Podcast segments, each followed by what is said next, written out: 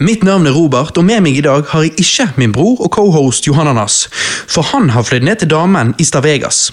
Så med meg i dag har jeg eh, vår trofaste gjest og lydmann Christer. Ha, hallo? Ja, Og så har vi med oss eh, stensil- og gatekunstneren Pyrit. Halla igjen. Ja, ja, velkommen. I dag skal vi snakke om kunst. Ja, kunst. Kunst i alle former, egentlig. Men først, Johannes. Er, du, er du med oss på tråden her? Jeg, eh, jeg, jeg, um, ringer eh, Jeg kommer da direkte fra Stavanger katedralskole. Ja, Oi, strålende. Katedralskole? Men du, Johannes. Ja. Gratulerer med bestått fagprøve. da. Nå er du offisielt baker, akkurat som vår oldefar. Hvordan eh, føles det? Ja, eh, tusen takk. Eh, Det føles veldig likt som før, men det eneste er jo at eh, jeg føler jeg kan sjefe litt mer bra da, på bakeriet, liksom. Ja, det er bra. Men, ja, men det er jo nice. Men det var, det var litt skummelt, men nå er jeg glad for at det er over og skuldrene kan senkes. senkes. -hmm. Mm. Nei, det er godis. Du, Ja. hvordan, du, du har jo flydd ned til Stavegas, og du har jo ikke flydd før. Hvordan var det å fly for første gang? Var det, var det sånn som du sa, dette med å ta berg-og-dal-bane i sommer, sviktet lukkemuskler? altså, de, de, i, rumpen tenker du på? Ja. Ja, nei, der, altså, der slet jeg litt i begynnelsen, ja. Men det, altså, det, når jeg kom inn på flyplassen, sånn, så skjønte jeg ingenting. For det var jo så jævlig mye. Så spør, jeg gikk i resepsjonen og spurte hva var, jeg har aldri flydd før, hva skal jeg gjøre? Sånn. Og så sa Dette, dette, er jo, dette er jo nøyaktig det meg og Alex sa. Vi bare, Det er litt sånn, Ja. kanskje når du ikke har orientert deg før. Johannes selvfølgelig bare Nei, det nei, det kan jo ikke være noe problem, det. Jeg har jo tatt buss før. Ja, ja. jeg tenkte at det var liksom sånn. Så, men, men eh, så når jeg da sjekket inn, sant, eh, alt var men- greit, så eh, jeg satte meg inn i flyet, belte på. Eh, eller slet litt med det beltet, da, men det er jo bare meg. Eh, Ja, og så, det er det. og så, og så når vi da når han da backer ut, så kjenner jeg for litt sånn her sommerfugler i magen. Eh, og når han da liksom gjør seg klar og han bare skal gasse opp og lette, sånn, så begynner jo han, og han kommer jævlig fort opp i fart. da. Ja, ja, ja. Altså, altså helsike, jeg er gjerne imponert av hvor mye krefter det er. Ja. Det, var, Det var ikke litt deilig? jo, det var litt deilig. Det var sånn shit, sant? jeg føler jeg er med i Star Wars, liksom. Millennium Falcon, liksom. Ja, ja, og så kjører han lyner bortover. Og når han begynner å lette, sant, så bare kom suget, liksom. Og det stoppet ikke. sant? Og jeg bare sånn Jeg har det på film, um, så Nei, har du? jo, Ja, så vi kan legge det ut på på, På eh, Facebooken? Facebook. Ja, det må vi gjøre på facebook.com slash rewindbros. Fordi at eh, det var jævlig bra. Jeg filmet reaksjonen og alt mulig. Ja, eh, dødsfett. Ja, um, og um, Nei, det var jævlig fett. Uh, fikk ingen dotter i ørene, ingen turbulens. Alt gikk smooth. Um, og, eh, men når jeg da landet, uh, så var ikke det så gale heller. Jeg forventet liksom eh, At du skulle smelle? ja, at det skulle faen meg smelle, og eh, jeg skulle liksom eh, dette ut av setet og alt sånt. Men det gikk helt fint. Jeg har, fått, jeg har opplevd uh, smooth landing, men jeg har også opplevd litt sånn at det smeller litt, men altså Ja, Nei, det, det var uh, veldig nice. Uh, og når jeg da gikk av eh, flyet, Mm. så eh, kom jeg på Stavanger flyplass. Og jeg vil jo ikke være frekk mot Stavanger, men jeg må jo være helt ærlig. og- Heter ikke det Sola flyplass, da? Ja, Sola flyplass, da. uh, og jeg, jeg vil jo ikke være frekk, men uh, den flyplassen uh, så jo helt jævlig ut. Men det er fordi at der du gikk nå, her på Flesland i Bergen, så er vel den ny der du Den var. er helt ny. Den Ja, er det- ja, to-tre år gammel. Ja, for det er jo innenlandsreise, så da er det den nye delen. Ja, men jeg tror de har pustet opp den utenlandsreisen. Ja, Det kan hende, ja. Men den- den innenlandsreisen er ja, den er- helt. Den fresh. Men på Sola var det gammelt. Ja, det var jævlig gammelt. Um, men jeg gikk jo selvfølgelig med vill der. da. Uh, der skulle jeg liksom uh, ut, og så går jeg bortover uh, en lang gang, og så tenker jeg ja, det var jævlig langt til utgangen. da. Uh, og så bare tenker jeg, hvorfor er det ingen andre som er her? Og plutselig så går jeg alene. Her, du fulgte ikke bare de som gikk av flyet med deg. Nei, for jeg, jeg så ikke for, nei, for jeg gikk på do med en gang. uh, så de hadde Se for deg dette her. Johannes skal ut av flyet. 50 stykker går en retning, og han går en annen. Selvfølgelig. Men er det mulig å gå feil, da? Er det mulig å gå feil, Johannes? Nei. Uh, det er ikke ja, det. altså, Nei. Ikke bare en gang du kan gå. Det er et sted du kan gå. Altså, det, det, det er jo dører som hindrer deg å gå inn de dørene pga. det er øh, altså sluser i, øh, i si, utenlands og innreise og bla, bla, bla. Hvor endte du opp, da? Nei, altså, jeg, jeg, jeg, jeg så jo at det var sånn an, uh, ankomstskilt. Uh, og så skulle jo jeg bare gå ned den der rulletrappen, men da jeg kom ned, da, så var det ikke noe annet skilt. Da var det bare en kaffebar. Så jeg tenkte ja, jeg får nå gå videre langs denne kaffebaren. sant? Og så eh, går jeg bortover, bortover, så tenker jeg ja, det er veldig lite folk. eh, ja, ja. Og så bare sånn helt alene, så er jeg på ytterste gaten eh, til det siste flyet, liksom. Og da måtte jeg gå hele veien tilbake igjen. Stå ute og vente på flybussen i bitende kulde. Og så Men jeg kom meg Og så, ikke minst det, sant? det kunne ikke gå helt smooth. Det er jo meg. sant? Så eh, Når jeg da skal gå av flybussen og vi eh, kjæresten min der på busstoppet, så eh, kjører bussen forbi fordi at jeg har glemt å trykke stopp. sant? Så eh, da eh, ble jeg med videre. Ja, så da ble jeg med videre, så ble det en lang gåtur. og ja.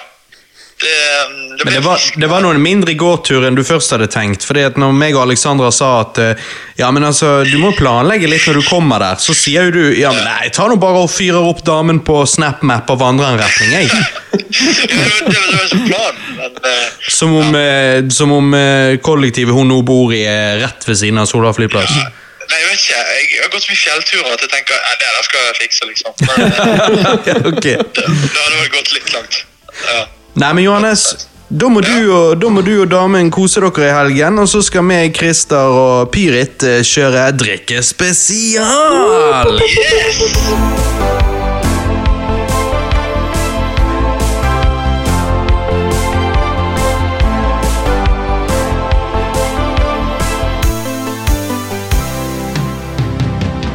Jeg vil starte denne casten med at hver av oss får sånn cirka fem minutter på å fortelle en kortversjon av vår kreative reise. Vi liker alle tre å skape kreative verk, og jeg tenker det vil være interessant å høre hva som fikk hver av oss interessert i det kreative arbeidet vi liker å drive med, hvilke prosjekter vi holder på med for tiden, og hvordan vi endte opp der vi er i dag, sånn kreativt sett. Uh, pyritt, eller Pyrit som vi bergensere liker å si, vil du begynne å fortelle oss litt om uh, altså Helt tilbake til barndommen, liksom, tid liksom ting Helt tilbake til hvor, hvor, ja, hvor interessen eh, fikk sin start og, og videre utvikling og alt. Nei, det, det er litt sånn Jeg var alltid som alle andre kids på barneskolen. Du liker å tegne. Så er det litt sånn, Du når det der ene punktet hvor det er litt sånn ja, 'Dette var det kjekkere enn det jeg trodde'. Og så plutselig så finner du ut at eh, 'Oi, du er flink'. Det er litt sånn, Så får du en liten sånn selvgod følelse, og så er det det der at eh, Mestringsfølelsen. Ja, Det er denne mestringsfølelsen som du bare har lyst til å jobbe videre på. Og du har liksom bare lyst til å utvikle det. Og det er litt sånn, Jeg tror det er jævla viktig for barn å bare finne det punktet der med en gang. For med en gang når du har det, så har du et mål du har lyst til å oppnå. Ja. Og det er litt sånn, jeg, jeg var den kiden i klassen hvor det var sånn Ja, hva har du lyst til å bli når du er stor? Nei, for meg var det enten veterinær eller kunstner. Og sånn som det ser ut nå, jeg er kunstner. Yeah, yeah. Etter det så Det er det sånn Når du blir flinkere og flinkere å tegne, så kommer jeg til ungdomsskolen, og da er alle sånn 'Oi, så flink du er å tegne.' Det er jo litt homo, da, men eh, det er jo jævla kult, da. Så det er litt sånn Med en gang når du kan tegne, og du begynner å nå tenårene, da er det homo. Men så kommer du til videregående. Da er det ikke så homo lenger. Da begynner det å bli sånn småsexy. ja, ja. Og eh, jeg valgte jo selvfølgelig eh, studiespesialiserende med formgivning. Um, der hadde vi jo et helt år. Um, jeg hadde iallfall et år her i Norge. Og det, det som jeg syntes var jævla kjedelig, var jo det at uh, jeg kunne jo så å si alt, det som jeg ble lært, men det er på grunn av at jeg hadde jo nerda meg opp på absolutt alt. Mens de starta med litt basic, på en Ja, måte. de, de starter på scratch, og det er jo det du skal gjøre når du begynner på skole. Men jeg syns det var litt kjedelig pga. at jeg kunne det. Og jeg fikk alltid så mye kjeft fra lærerne mine pga. at jeg fulgte ikke deres retninger. Det er litt sånn typisk eh, kunstnerlærere som er litt sånn De ønsker å bli kunstner, men Det blir- det blir- da- Those who can't do, they teach. Det, det er sånn som musikklærere. Ja, ja. Det er litt sånn De hadde drømmen, men de endte opp som musikklærer. Um, men nei, det er litt sånn Overraskende nok så kom jeg meg gjennom det. Men jeg fikk òg sjansen til å studere i England Når jeg var 17 år. Og da var det på Somerset College of Arts and eh, Technology. Flytta over der. Kommer der selvsikker og er litt sånn Ja, faen, jeg er flink med blyanten, jeg. Nei. Det er litt sånn, Når du kommer til en sånn en plass, en ren kunstskole, så å si, eller iallfall det bygget jeg var i, Ja. å fy faen. Så det er standarden høy, liksom. Det, det Standarden der, det, det var next level shit, altså. Var det en vanskelig skole å komme inn på? Var det noe sånn, eh, jeg holdt på å si, i Musikkskoler og sånn, så har du ofte sånn prøvespilling. Var det noe sånn her? Tingen er at vi måtte ha faen, hva det heter ikke CV? Eh, portfolio. Du måtte ha portfolio med tegninger. Du er nødt til å skrive et langt essay om dette, her, hvorfor du ønsker å komme inn, hva drømmen din videre var. Um, så um, jeg følte meg jo heldig med at jeg kom inn der, for det endte jo opp med å være det beste året jeg har hatt i hele mitt liv. Det, du får oppleve så mye, og tiden der, det går så fort. Og det er av at eh, du gjør så mye hele tiden. Skoledagene de var jo fra åtte om morgenen til seks på dagen. Og det var så å si hver dag. Men det var kunst òg, fra åtte til fire. De to resterende timene det var jo bare egentlig norske fag som jeg var nødt til å ta opp. Ah, mm. Um, men nei, der borte der, um, Det var vel der det blomstra virkelig i meg. Og det er på grunn av at det der, der måtte du jobbe for den mestringsfølelsen. For du fikk så mye du var nødt til å gå igjennom. Og det er typ sånn Det ene eksamen vår, dette er det sykeste Eksamen den varte i et halvt år. Vi fikk inn en kunstner, jeg husker ikke hva han hette, men jeg syns det var helt fantastisk av at eh, han mangla én arm. Hadde amputert en arm. Og det han gjorde Han lagde skulpturer ut av papp. Og det han, Noen ganger så bare limte han sammen papp på papp, for å si det sånn, til du fikk en blokk. Og han brukte en tapetkniv, han kunne skjære ut så det så ut som et ansikt. Helt fantastisk. Og um, oppgaven vi fikk, det var det at uh, vi skulle lage et kostyme ut av bare papp. Og når jeg sier bare papp, da var det bare papp. Vi fikk ikke bruke lim, stifter eller noe. Alt skulle være papp. Ja. Så vi måtte jo lære oss forskjellige metoder på å flette denne pappen her. Og sånn at alt skulle sitte sammen. Men det største problemet med det er det at eh, sammen med det så skulle du òg velge en kunstner og en arkitekt. Du skulle bare trekke ut to lapper. Og ut ifra det skulle du bruke inspirasjon til å lage dette kostymet. Og jeg husker veldig godt Jeg plukka Pablo Picasso. Og Det var nice. og Skulle tro. Sammen med Antony Gaudi. Og hvis dere ikke vet hvem han er, det er han som har eh, Det var han som designa og starta på Sagrada Familia i Barcelona. Ah. Han som har lagd Parkuel der oppe og alt Er han ferdig den eh, i Barcelona? Nei. Nei, han blir, blir han noen gang ferdig? Ja, jeg får jo håpe det. Det er litt sånn Han, eh, han ble jo påkjørt av en buss før han ble ferdig. Oh. Ja, Det er jo Jeez. Nei, Gud, jeg vet, 100 år siden, eller hva det var for noe. Etter det så har det vært arkitekter som har prøvd å ta opp arbeidet til å fullføre. Men eh, det er jo flere som bare hopper av lasset, for det er, enten så er det det at de står fast for at de ikke klarer å fullføre det som han har skapt, eller så er det det at de tør ikke. De får prestasjonsangsten. Ja, det, kan, det, ja. det kan jeg jo faktisk skjønne. Når du ser hele Barcelona, det ser ut som et kunstverk som er lagd av uh, Antoni Gaudi. Eh, siste jeg vet nå, det er at det er en eh, japansk eh, arkitekt som har tatt over, så det bygget der blir vel sikkert enda mer space enn det det allerede er. Nå kommer LCD-skjermen. Ja, ja, ja. Du må sikkert ha MDMA for å kunne forstå hva som skjer. Uh, men nei, etter det Etter Ja, der var vi, ja. Etter kunstskolen i eh, England, da var jeg veldig på det med tegning. Det å bruke grafitt som uh, hovedmateriale. Eh, det syns jeg bare var fantastisk. Og det å tegne portretter. Det som er vanskelig med å jobbe på den måten der, er at eh, du må virkelig jobbe òg for å få et publikum. Du må jobbe for å få utstillinger. Og det som er det verste av alt, det er ikke før ett og et halvt år siden hvor jeg fant ut Og fikk prøve meg litt ut på dette med gatekunst. Og det er da du liksom innser at uh, plutselig så er hele byen et galleri for deg til å utstille akkurat hva du vil. Og plutselig så blir det lettere, og så får du litt mer smaken på det. Og den uh, sprayboksen der, den har faen meg bitt fast i meg. altså Den kommer jeg sikkert aldri til å legge fra meg igjen. Jeg, jeg elsker jo sånt, da. Så jeg syns det er utrolig stilig. fordi at eh, når jeg sist sjekket opp i ting du gjorde, så var jo det liksom tegning og sånn, da. Eh, og det var jo så realistiske tegninger at jeg bare tenkte jeg på en måte ser ikke hvordan du, det, det virker som du på en måte da når et tak, sant? Eh, med at liksom sånn hvor realistisk det kan se ut. Eh, men, men så hva så, hva var det spesifikt som gjorde at du gikk mer vekk fra det og mer over til dette nye, da? På en måte så var det det at eh, det var nytt, det var spennende.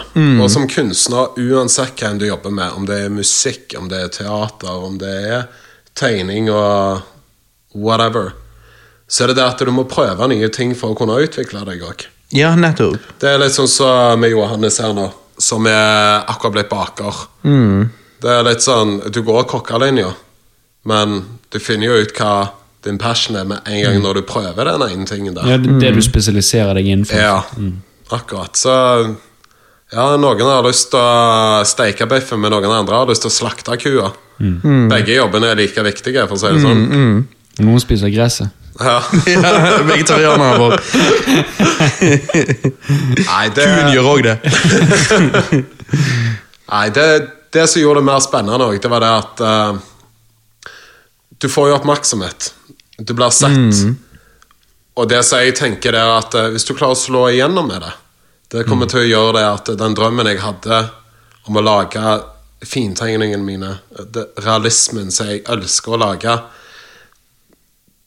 den kommer til å bli sett nå mye mer enn det han hadde gjort hvis jeg aldri hadde gjort dette. Jeg skjønner, så det, ja, for det er litt det du nevnte i sted, og dette har jo meg og deg, Christer, snakket masse om eh, når vi har vært i studio og sånne ting som det.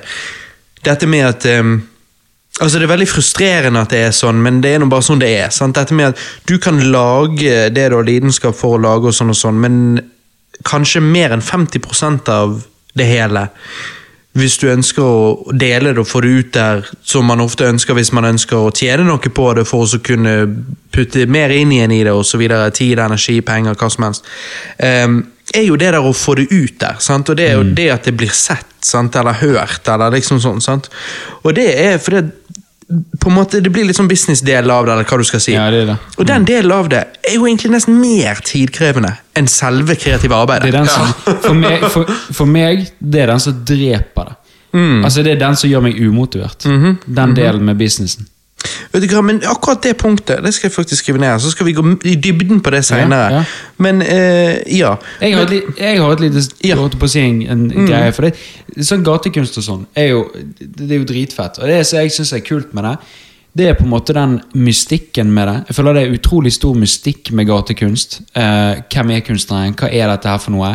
Og samtidig så er det noe liksom med at gatekunst føler jeg liksom, det er sånn 100% ekte.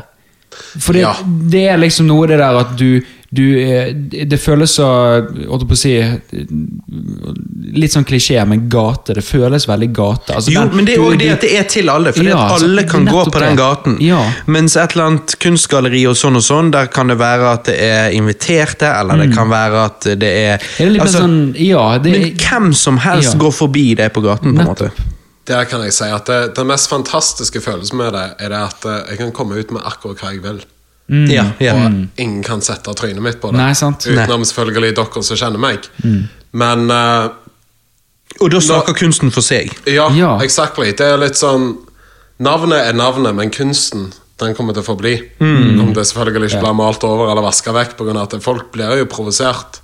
Um, bildet som jeg slo igjennom med, det var mai 2020. Um, det er ei bunadsjente som er kledd med munnbind. Ja, den har jeg sett.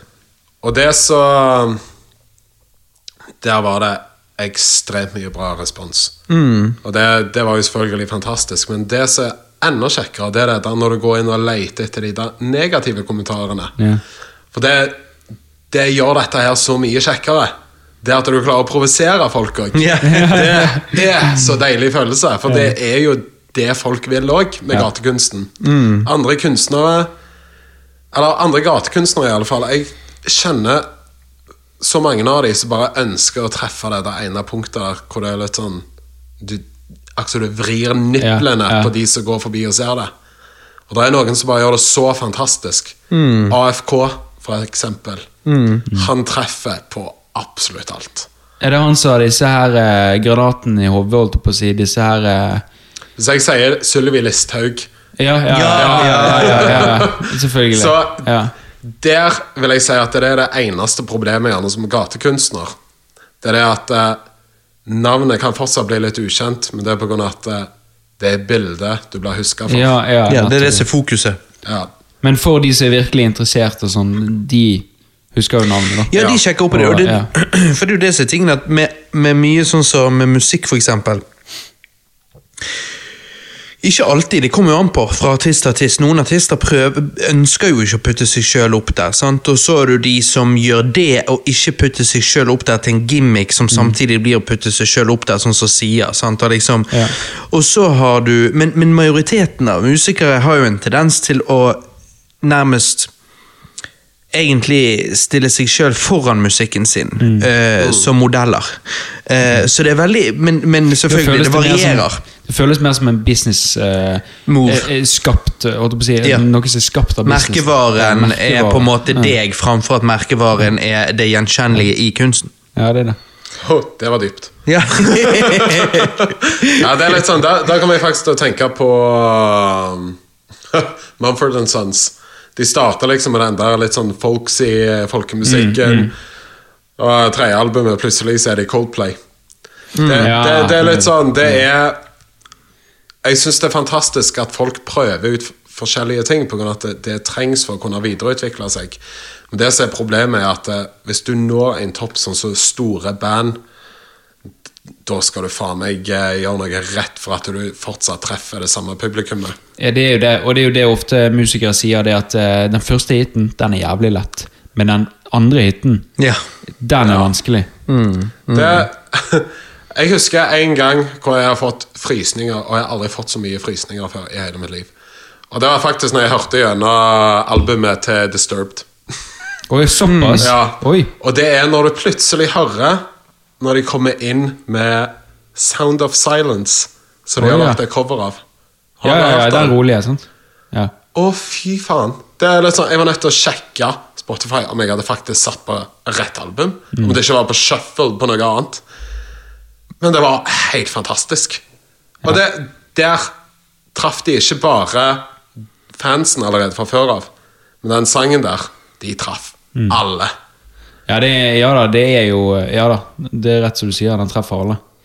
Og det er jo, Men det, det er jo det som er litt vittig òg, egentlig. For at, eh, generelt sett, sånn, tenk på, tilbake på 80-tallet. altså Metal-artister er jo de som har de største balladene. Ja. Altså Nothing Else Matters, liksom. det, det er jo Powerballader som bare sant? Ja, river i hjertet. Helt sinnssykt. Men Christer, du da? Hvis du skal fortelle oss litt om hvor din lidenskap eh, for musikk og dette startet, og, og, og videre opp igjennom. Ja, jeg har jo ikke da gått på eh, musikkskole. det, det kan jeg bare si. Eh, nei, hvordan startet? Eh, ja, vet du hva? Jeg, eh, jeg vet hvor han startet. En ganske, ganske gøy, gøy greie. Holdt på å si. Du, Robert, vet jo dette her, fordi at Far hadde jo nettopp kjøpt seg nytt surround-anlegg hjemme. Sant? Første holdt på å si, blant dere, da. eh, Robert var jo da bestekompis med min bror, og liksom de var en gjeng. da De gikk i klasse sammen og sånn. Så far var den første som hadde liksom surround-anlegg i hele gaten der. da Eh, Og da husker jeg far satt på eh, ACDC med Thunderstruck. Åh, Og det var en sånn, det var en sånn konsertopptreden han satt oppe på. da Og han bare liksom blæste på full volum og så bare 'Hør dette! Hør dette! det Gåsehud! Det er gåsehud!' Og jeg satt der og bare Nja, det, det tar jo så lang tid før låten begynner. Det var, det, ja, det bygger seg, det bygger seg, det bygger seg. Eh, og jeg skjønte jo ikke dette her, da. Eh, I det hele tatt. Eh, men så med tiden så begynte det å vokse på meg, liksom. Og det er på en måte det første minnet der jeg, jeg på en måte, Selv om jeg ikke likte musikk da, eller likte den type musikken, og egentlig var interessert i musikk, så var det det liksom er det første minnet på en måte jeg husker at det, holdt på å si sitter i meg. da. Altså Det var sterkt eh, å liksom tenke tilbake til at det er det der som trigget det. Men det, Den opplevelsen der. det som er det sånn deilig med akkurat sånn som det der, det er jo at eh, det er spesielt for deg, men det er òg pga. at det, det er et øyeblikk med faren din. ja, det, ja, det er jo kanskje det- òg, sant. Ja, det, Der har jeg det samme når det Ja. kommer til musikk. Musikksmaken min det kommer jo fra min far. ja, ja, ja, Og jeg er så ja. glad for at det er Creedence, Ja. det er Black Sabbath, Ja, ja. Stones, Beatles Ja. Alt. Det er så deilig å bare ha det fra en plass enn å bare Sant. høre på alt det Da så ja, men dritet som du faktisk skal få i dag. det er jeg holdt på å si, Listepop er jo eh, Det er, ja, det, er mye, det, det er mye crap, men det, jeg synes, det, jeg på å si, det mest kvalmende med listepopen syns jeg er hele businessavtalen, så eller business-del med det hele, som vi snakket litt om i sted. Det, Ja, det- At merkevaren på en måte er Det, blir liksom- nesten mer viktig. Ja, det er mye mer viktig å pushe den merkevaren. Ja, men det, det, det er akkurat det jeg skulle til å si der. Den, det er den kua som Så er blitt melka halvt til helvete. Ja, ja. Du kan se på Du har jo PC-en oppe. Nå kan, du, Ja. nå kan du sjekke Spotify på WAP. Jeg mener det er ti låtskrivere med i WAP. Å ja. Er det nødvendig? Ti låtskrivere! Ti låtskrivere! Det, det, det er helt sinnssykt. Jeg så, jeg så Astrid S eh, spilte på Skavlan for et år siden. Og plutselig bare poppet det opp liksom Jeg tror ikke de klarte å fylle eh, skjermen med flere navn på den der eh, liksom som popper ned i hjørnet der. Sånn, Jeg tror det var sånn seks navn eller sånn låtskrivere. Og da er det sånn Du bare Med en gang du leser det, så bare Herregud, hvor, hvor er Ja. Én, to, tre, fire, fem Det er eh, fem okay. låtskrivere. Ja, ok, sorry, da er, blander jeg med noen. Men allikevel fem, liksom. eh, Det er jo det er, det er noe som mister Du mister på en måte den eh, ekte følelsen med å høre Det på. rare her er jo at det står jo hva Altså Her står jo det da em, de ordentlige navnene, og ikke artistnavnet. Eh, så Megan Thee Stallion Jeg visste ikke om hun het Megan Pete, men det var nå greit nok. Men jeg visste faen ikke hva Cardi B het. Eh, Bal Balkalis Almanzar. Det var, det var nytt. Ja. Det er liksom, du, kjenner, du kjenner de så godt på artistnavnet at det er bare sånn Hæ? ja. Det, nei, nei. Men ok, så de er ikke Du kan si det sånn, det er jo en ting i hiphop, sant? Dette med at du skal jo ikke ha Ghost Riders, men eh, ok. Så de, de har mange av de. Hallo! Altså, det er bare Ta topp eh, topp 20. De topp 20-låtene, Mm. som i teorien skulle vært 20 artister. ta Hvor mange låtskrivere det er. Det, altså, uff. Det, jeg jeg, jeg, siden du er med PC-en der, dette har jeg alltid hatt lyst til å google, men aldri gjort det. Mm. Du kan prøve å søke av hvor mange rappere som har Lill før Ja. Lill eller Young. Ja. Du, det er bare med en gang du søker How Many Rappers, så kommer det opp Have Lill in their Ja. name. Så det er flere som tenker 582.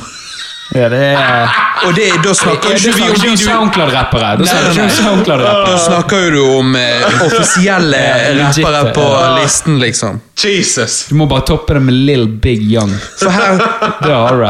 For her står det Her er det en egen eh, Jeg vet ikke hvor dette her er 582 kom fra. Ehm, men, men eh, når det kommer til spesifikt eh, registrerte Spotify-artister som har gitt ut noe, da, så er det over 8000 som har Lill i navnet. Jesus. Prøv å søke opp den ene artisten du har lyst til å finne. da Ja, sant. Du kan ikke bare begynne med Lill. Du, du må jo lage en liste, da. Top Lill Artists. Ja. Altså, så får du 8000 eh. Jeg vet ikke. Nei, jeg fortalte jo da om holdt på å si, første gangen far viste Thunderstruck, ACDC, til meg. Ja, ja, ja. ja. Som var liksom det som kicket det. da. Ehm, etter det så begynte jeg egentlig på uh, Min fetter spilte gitar, og jeg hadde egentlig lyst til å teste meg litt. Så jeg meldte meg på uh, akustisk gitarkurs. Var den yngste deltakeren egentlig der. Etter hvert så uh, tok jeg liksom på en måte, Da følte jeg det var en sånn her tidlig crossroad jeg traff. da. Skal jeg gå for kassegitarartist, eller skal jeg gå for elgitar? Og fy faen, jeg er glad for jeg kjørte elgitar. ja. Fy faen, det er mye gøy med det. Kjørte elgitar, eh, startet band sammen med min fettere, eh, to, to av mine fettere. Spilte gitar og trommer. Vi fant en, eh, en fjerdemann på bass. Og derifra liksom på en måte kickstartet det. Og siden på en måte da åttende klasse, tror jeg, har jeg liksom spilt i band da, opp gjennom hele tiden. Med liksom pause her og der, da. Men uh, musikken har på en måte vært kontinuerlig. Og Ja. um, de, si, de sterkeste musikkminnene tror jeg stort sett jeg har fra konserter. Mm. Altså, Ikke nødvendigvis store konserter, men konserter vi har gått med gjengen på eh, ja, Hul, Kvarteret, liksom typiske studentsteder, egentlig. da. Ja. Og eh, ja, husker vi altså vi har, Jeg har jo vært på Roskilde fire-fem ganger. HV-festivaler to ganger. Eh, og en masse og andre festivaler rundt om i Norge, da, egentlig. Mm. Um, så hele denne musikkbiten er jo noe som fanget meg liksom akkurat i det gitar Rundt uh, Rundt kanskje sjette-syvende klasse. Mm. Da var det liksom Ja. Og så er det det vittig, for da har du på en måte den der eh, Det der å skape musikk Ja. som var interessen. Liksom? Det å spille gitar, spille band, lage musikk. Få den liksom, Spille konserter og liksom ha den feelingen der. Sant? Og senere så begynte jeg da på en måte å bli mye mer interessert i lyddesign. Hvordan låter denne gitaren Selve produksjonen. Ja, ja, hvordan låter denne gitaren når jeg snur på den knappen? Hvordan Mm. låter dette her, liksom? Begynte å stille lyden på alle bandmedlemmene mine liksom inne i øvingslokalet, for jeg var ikke fornøyd med hvordan deres gitar låt. Mm. Da begynner du liksom ja, Så jeg merket liksom at jeg begynte med det der. Holdt på å Begynner å bry deg om detaljene. Ja, mye mer detaljene. Jeg så bare for meg muligheten at du kan bare Nei, det var dritt. Ja, ja, ja, det, noen ganger hendte det at eh, ja, altså Det er jo klassisk når du spiller i et band. Hvem hvem skal være den høyeste gitaren? på en måte Du har to, to gitarer. Så er jo det sånn ja, Jeg er sologitarist, ja, men jeg spiller de viktige riffene. Ja, men, så, til slutt så er det sånn du hører bare gitarstøy i hele. Og når låten er ferdig, så er det bare sånn yeah! Så du spiller der, liksom, og så etterpå for det er konstant alle ampene liksom bare bøsser hele tiden. Og du må nesten skrike til hverandre fordi er ampene bøsser seg. Men det er jo det jeg alltid har syntes har vært rart når vi har vært i studio, så går vi forbi liksom øvingslokalet Ja. til band og sånn. Og det, lyden der Jeg, jeg bare tenker Ja. Jeg får vondt i ørene når jeg står utenfor. Hvis du er inni der Altså Hvis ikke det der er tinnitus-årsak, så vet ikke jeg Og jeg skjønner ikke hvorfor eh, det må være så innenfor jævlig høyt. Nei, det er jo Du har trommesett, og det må du overdøve. Ja, det det. Med liksom gitaren og bassen og vokalen.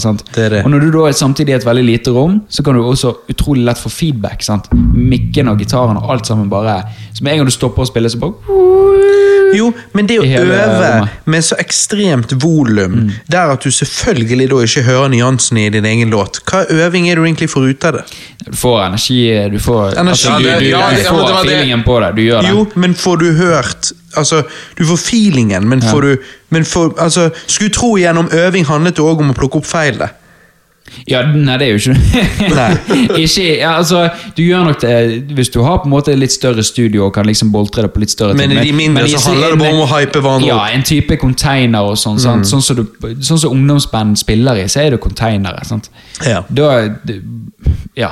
Men det er liksom, det er dritfett. Du starter et sted. Det Ja, er liksom ja, Det, ja, ja. det er liksom det alle store Ja, ja. band De starter jo i garasjen. Ja, ja, ja. Ja, jeg har jo sett, eh, jeg har jo sett uh, gamle opptak fra liksom store artister som spiller sine første konserter, eller sånn blant de første konsertene.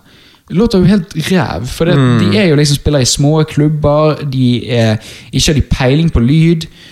Lydmannen er sikkert sånn halvfull, sitter der og liksom sånn, han er på jobb og får cashen sin for alkoholen sin. Sånn. Mm-hmm. Ja, altså, helt er- alvorlig, jeg føler jo at nå, Jeg bare syns at det virker som det er mange lydmenn som, som ikke helt gjør jobben sin ofte. Nei, det er sant, men når du, når, når du tenker på store festivaler, det, det, er, en, det er en ting eh, med lydmenn.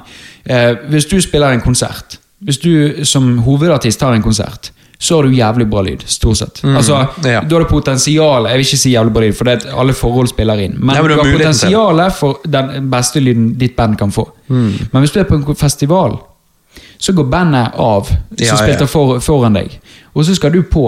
Og du har gjerne landet med flyet for to timer siden. Lydmannen kommer inn, stapper inn i minnekortene, og skal liksom fra første gitarriff skal på en måte stille lyd. Sånn. Så ofte så er jo det På konsert kan du ofte høre det at eh, hovedartistene starter ikke med, med banger-låten. De starter Nei, nei, nei. med en rolig låt. Sånn. Da får lydmannen tid til å stille inn shit. Mm, Slik at når låt nummer to og bangeren kommer, og alle sammen klikker, da er det på, på å si bra lyd. da. Ja. Shit, det har jeg aldri tenkt på. Ja, det, er, det er en ting. Ja. Det er en ting. Du kan merke det. Ofte så er det sånn artister kommer inn, liksom har en rolig låt, litt kjedelig låt, og du bare, hvor kommer nummer to-låten? Den er alltid en banger. Mm. Alltid en banger. Det er interessant. Ok, Men hvis du ser på de bandene som bare kommer ut med den der Den, Ja. den som bare treffer Ok, jeg er litt sånn Ok, mi, Mine ungdomsår, det var Avenged Sevenfold. Ja, det var, var du på den på Bergenfest? Nei, på, eh, på Koengen? Uh, jeg så det i Stavanger. Å ja, ja, ja, jeg var på den på Koengen. Ja.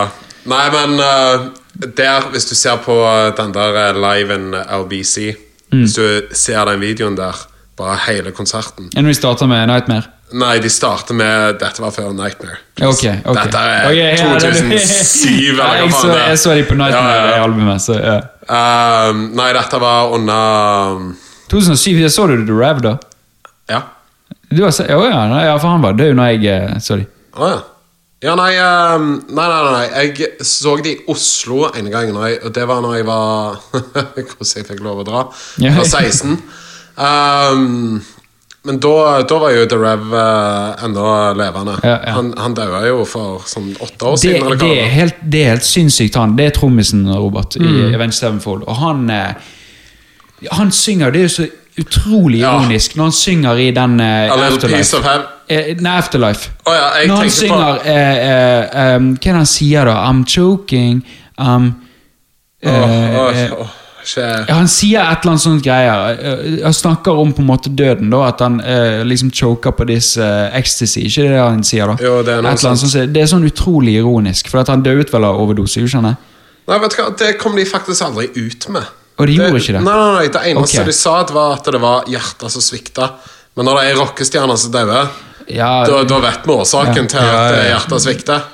Så det er liksom når han på en måte- Og det er jo det selv når han er død, så har jo de det Han sang jo òg noen refrengene og noen av delene på Ja, låtene. det, sånn. der kommer jeg til å tenke på Ja. A Little Piece of Heaven. Ja, De- der, der er det jo egentlig en damestemme han synger. Stemmer det. Og det, det er faen meg helt er- insane å høre. Den har jeg vist deg for lenge siden. Okay. Little Piece of Heaven. Det er sånn som jeg, det er sånn som jeg sier er liksom sånn Det er min type stil. da Et svært musikalstykke på kanskje ni minutter. Ja, den var sånn ni ja, minutter. Ja, ja. Og så er det mange forskjellige akter inni.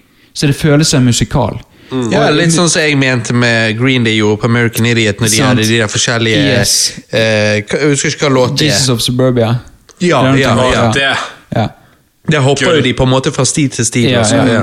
Ja. Ja, dette er en låt som de har mange akter i, og det, det, det føles som de, Jeg er sikker på at de kunne latt en musikal av liksom, bare den låten. Ja. For det, det, er, det er utrolig kult. Og så er det forskjellige på en måte Først får du hans perspektiv, og så får du hennes perspektiv. Så er de begge døde, og så kommer de opp av graven, de gifter seg. Og så i bryllupet er liksom en slaughter, liksom. Altså, de skal Ja. bare slakte masse folk. Og ja, det er den låten der. Det- det- Men men når du sier konseptet, så Ja. tenker jeg med en okay, sånn ja. meatloaf.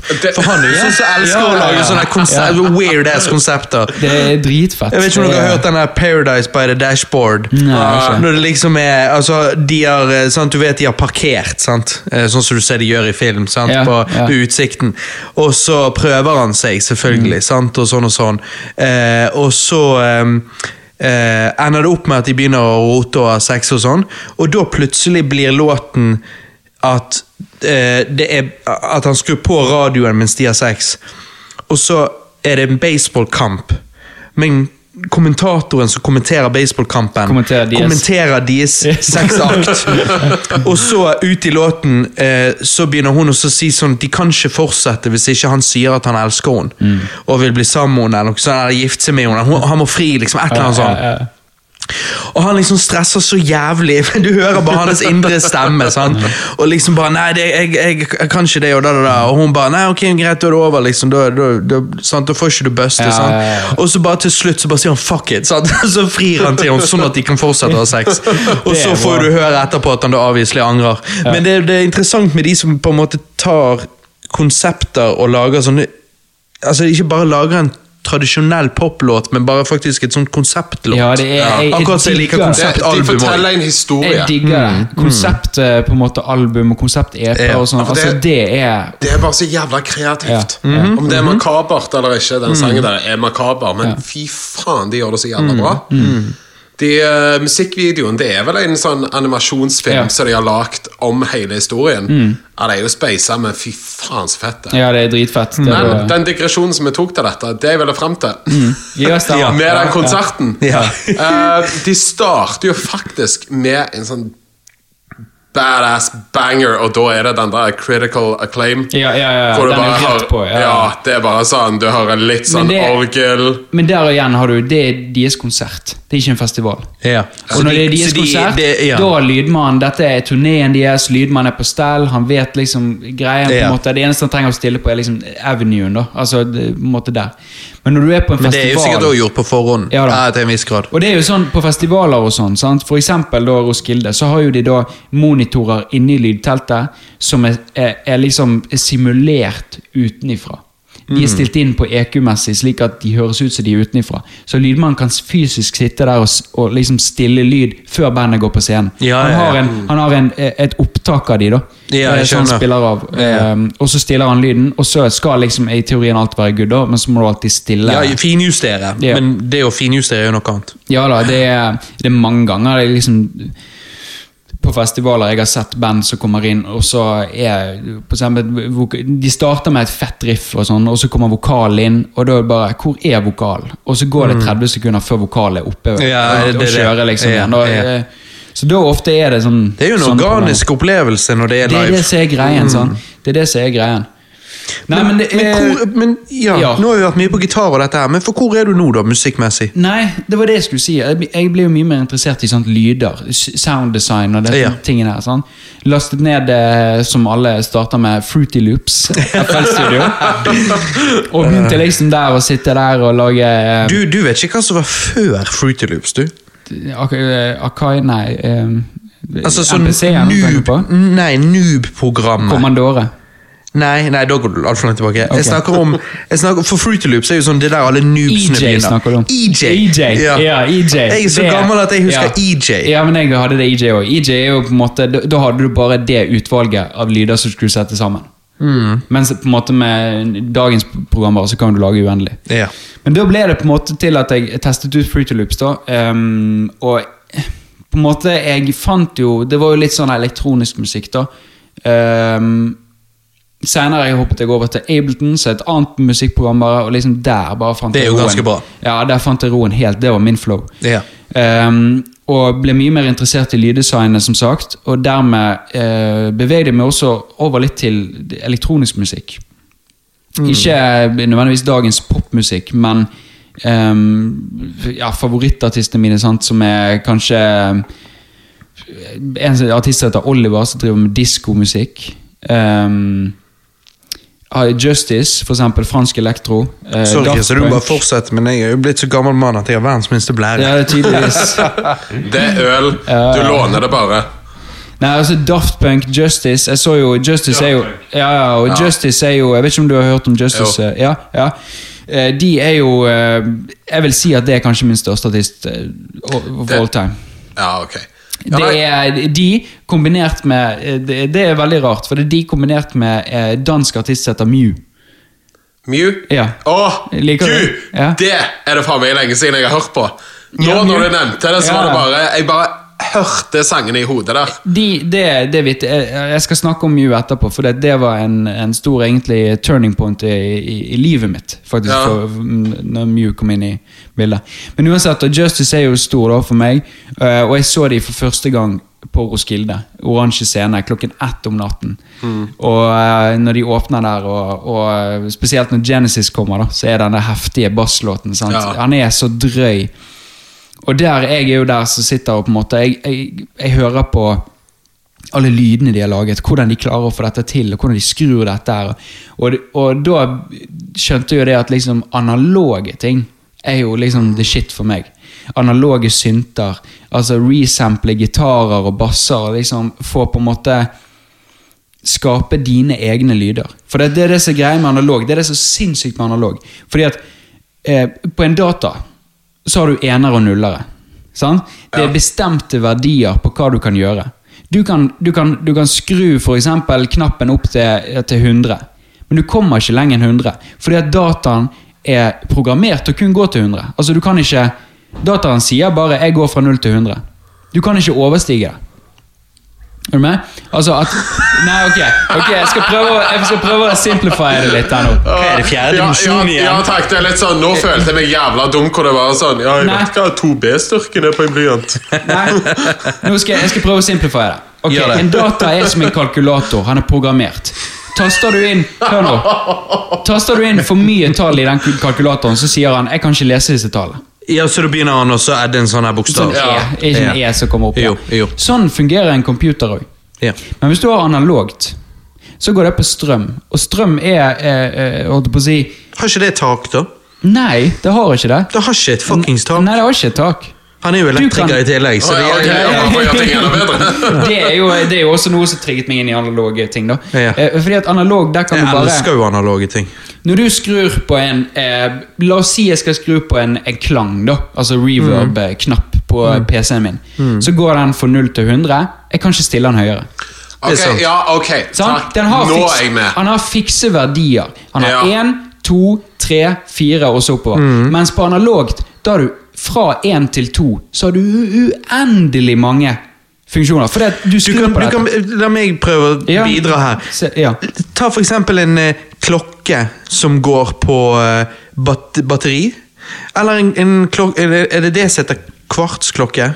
ja, det er vel det Ja, jeg er sikkert. Og så har du sånn Så det wind-up-klokke. Ja. Ja. Og det òg er jo forskjellig. En kvartsklokke går jo sånn tikk, tikk, tikk, tikk. Hvor en annen bare smooth. Han bare flyter som smør. Sånn. Og så har du film. Eh, film er Ja, filmruller. Når det, jo- ja, når det er filmet ja, på en filmrull, så, har det, så, så er det, det er en filmrull. Mm. Eh, og det, den filmrullen kan enten være liten, større eller stor. Sånn du kan ha Mm. 8 mm, 16, 35, 70 for faen. Mm. Da snakker vi liksom sånne der, det er kun et par western som er filmet Mm. i 70.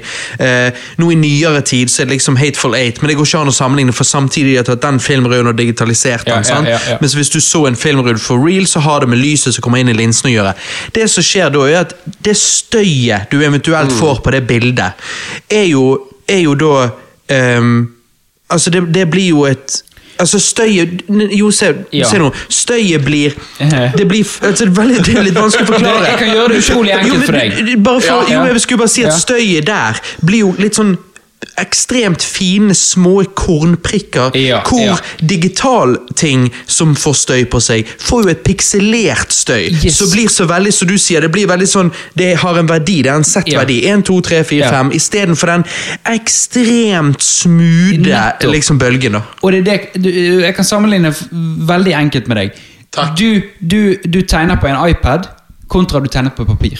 Oh, ja. Det er analogt, digitalt. Ja. Se Så når du det. zoomer inn Yes. på iPaden etter du har tegnet, så. Ja, ja, ja, så ser du pikslene. nå er jeg Ja, med. nå ja, ja, ja, Sånn føles det når jeg driver med analoge ting. F.eks. gitarer, eh, eh, effektpedaler, synter. Synter. Jeg har synter hjemme. holdt på å si, Jeg låner eh, to fra en kompis. da. Eh, og det er liksom når du sitter en ting er på en måte å sitte og programmere på PC, men når du sitter og spiller dette her og kan skru i real time, liksom du får et opptak Det var et bra opptak. Det opptaket kan du aldri gjenskape. Når du spiller noe på gitar, når du spiller noe på en synt, når du spiller noe Ja, som helst, ja, du kan aldri gjenskape det, for det er human. Ja, Det er menneskelig. Ja. Og det er sånn som folk, folk som ikke helt har erfaring med det sjøl, har en tendens til å tro at det du snakker om, det er pseudoscience. At det er bullshit. Men det er faktisk ikke det. Det, det, det er faktisk når du, når du slår på en skarptromme, så vil du aldri kunne slå det nøyaktig samme slaget igjen. Eller i så fall, om du kan, så må du gjøre uendelig med forsøk for å få det til. Ja, men du- Mens på en PC kan du gjenskape du noe veldig fort. Ja. Ja. på en PC, Hvis du programmerer for en skarptromme på en PC, så vil du, så vil du si til den PC-en du skal spille på nivå 100 evig mange ganger. Ja. Så spiller den dunk, dunk, dunk, dunk, dunk. konstant. Det er ingenting autentisk med det. Hvor hvis en, en person med sine egne muskler slår på trommen, så vil slaget være Uansett hvor eh, robot han er, Ja. eh, så vil det være en liten forskjell på hvert Nettopp, eneste slag, og det får nettopp. du ikke når en PC gjør det for deg. Og det var det som trigget meg inn til dette analoge tingene. Og, og, og, og også lyddesignet. Det at wow, jeg har ingen ende her. Det ingen liksom, ikke, det, går ikke an å stoppe her. på en måte. Jeg kan gjøre akkurat det jeg vil. Det er kun på en måte min egen kreativitet som begrenser meg. Og likevel det er, føles som himmel, så på andre måter kan det føles som helvete. på den måten at hvis du er, altså Som en kreativ person så er av og til grenser eh, hjelpsomt Ja, i en kreativ ja, prosess. Det er liksom, jeg, jeg i hvert fall føler at kreative personer elsker frihet, Mm. men kan òg gå seg vill i den. Ja, det er, Ja. ja, ja, Så ofte sånn Ja. så sitter man grenser for seg selv. Jeg vet Ja. jo at det Sånn skal vi komme inn på seinere, med de her prosjektene meg og deg holder på med, sånn, så har jo jeg lagd meg grenser Ja. basert på tidligere hiphop, for jeg vil prøve å gjenskape noe basert på tidligere hiphop, og så lager jeg meg sjøl grenser. Ja. For hvis jeg skal lage hiphopmusikk uten grenser, så føler jeg at jeg egentlig ikke Jeg vet ikke hvor jeg, altså jeg, føler meg, jeg føler meg lost, på en Ja. måte. Jeg vet ikke hvor jeg skal. Sant? Her Men- har men- jeg et spørsmål. ja. Og dette her Dette er noe jeg sliter med. Og det er det Hvis dere begynner på å lage noe, og dere bare kjenner det at Ok, her er hiten, her er det Her er det noe, jeg kjenner her, det. her er den der saken. Ja, ja. Men så er det det, da er dere redd for å bli satt i en bås med en gang etter dere har Og lagd det? gjett om. Og gjett om. Fordi da blir det på en måte det dere blir kjent for. Og da er det det som gjerne har skapt noe rundt deg. Det som har skapt deg jeg- i sier Jeg sliter utrolig mye med det, med tanke på det at Uh, med tanke på det at jeg har lyst på en måte å, å få frem musikken min. Og ja, så du, vil være din, du vil være din egen herre av din egen legacy. Ja, på en måte, men det jeg prøver å komme frem til um, Et godt eksempel med meg, da. Jeg Ok, min favorittkomiker, han sa dette når det kommer til politikk. Jeg kan bare mine ideer om andre folk sine ideer.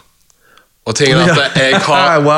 Jeg har veldig mange politiske meninger. Og det er veldig mye jeg kunne lagt ute på gata politisk. Men tingen er at eh, jeg har ikke lyst å gå ut og lage noe politisk.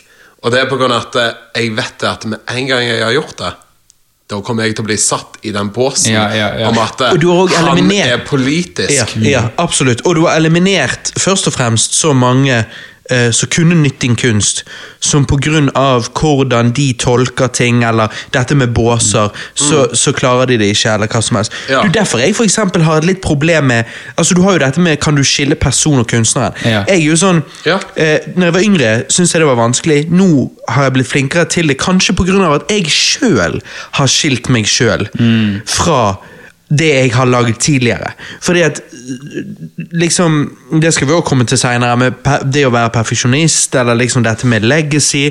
Så er det sånn Du, du um, Jeg i hvert fall har veldig lyst til å distansere meg fra visse ting jeg har lagd.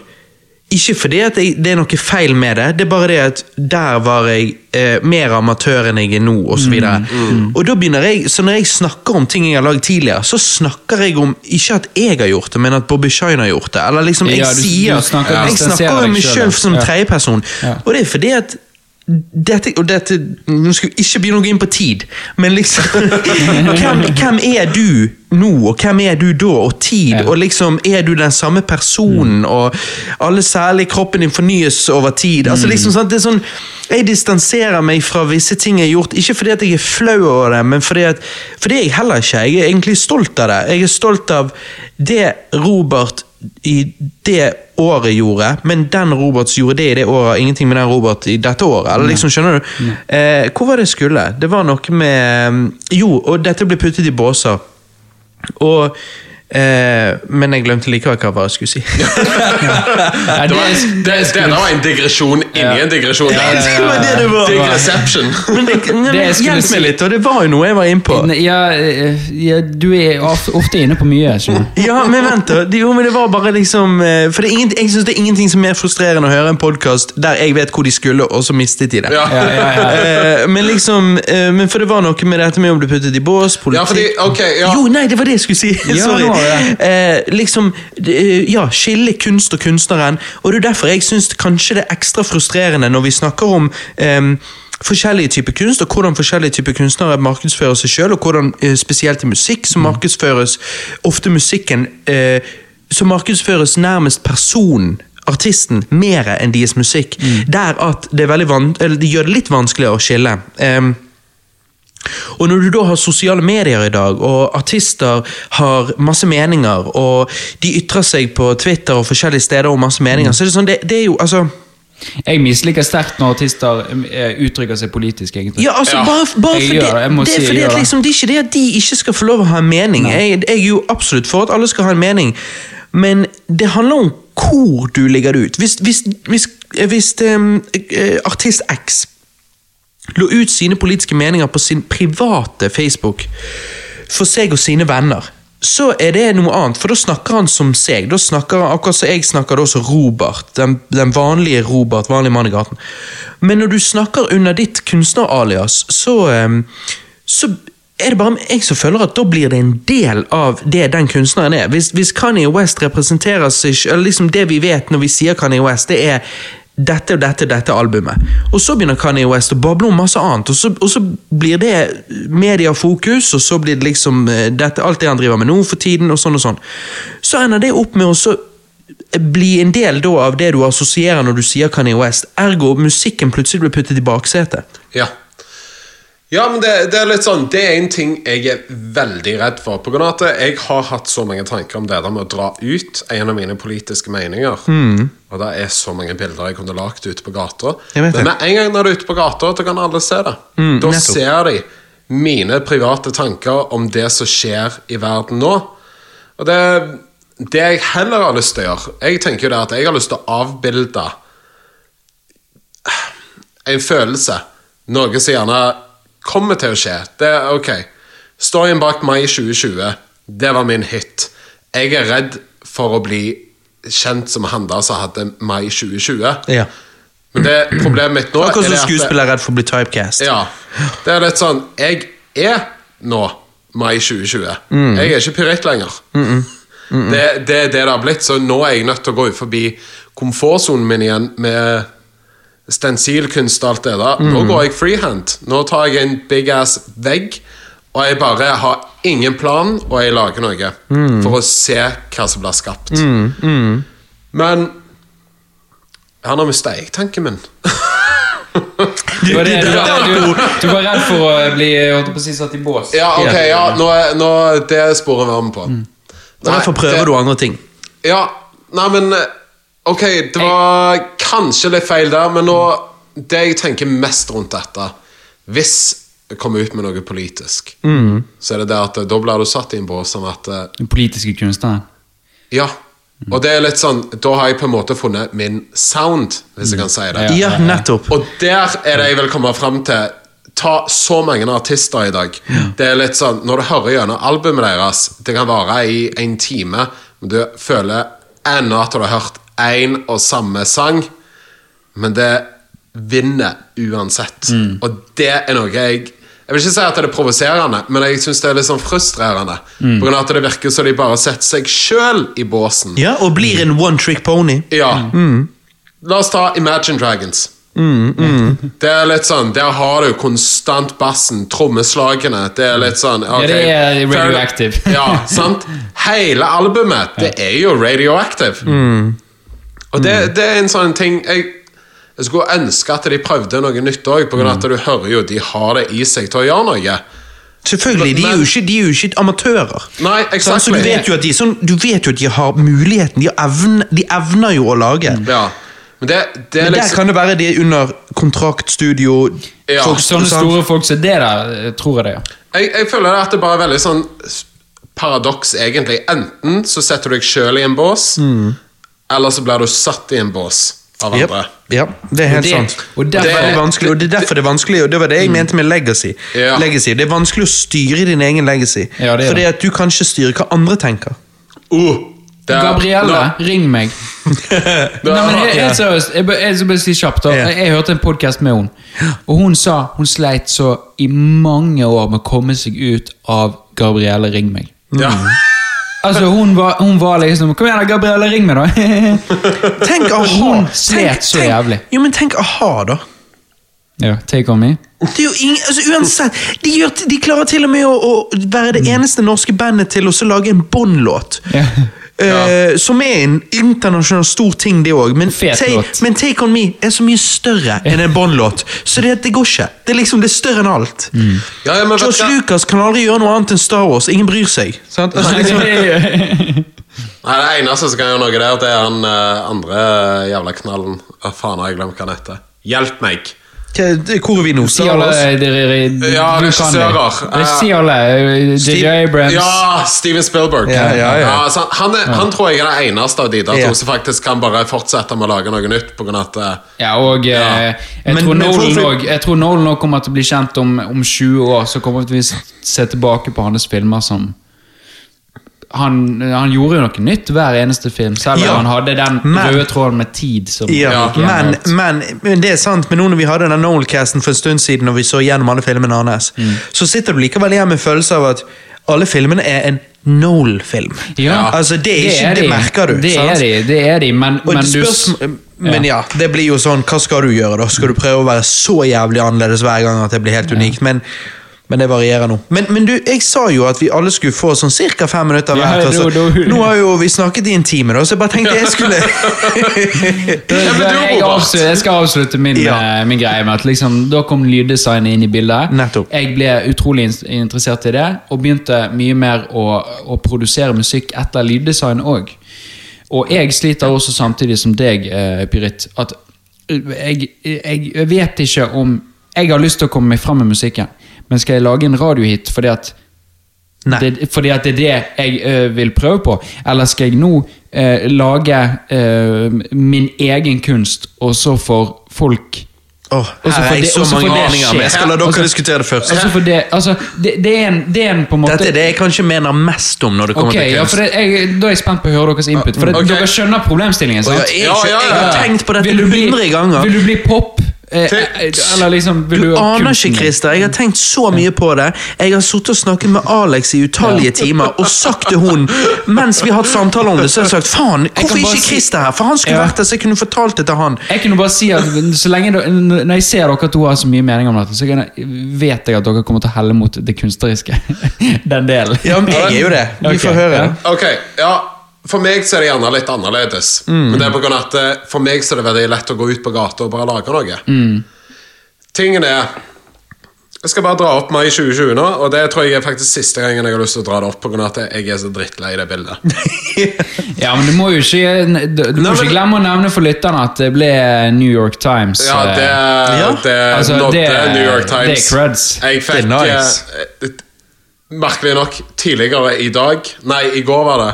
Så fikk jeg faktisk et bilde tilsendt fra Spania, fordi bildet er faktisk kommet i en bok. Oi, shit. Wow. Ja, ja, ja, det er Men du, vent litt. Det var i New York Times, sant? Ja. Vil det si at det er mulig at Linn Manuel Miranda har sett bildet? Åh. Er liksom drømmen? Åh, ikke si det engang. Oh. Det hadde vært sykt. Have you, have you seen the, the, the girl in the bunad and the, Ja. the, oh. Nei, det hva? mask? Nei, Det hadde vært sykt.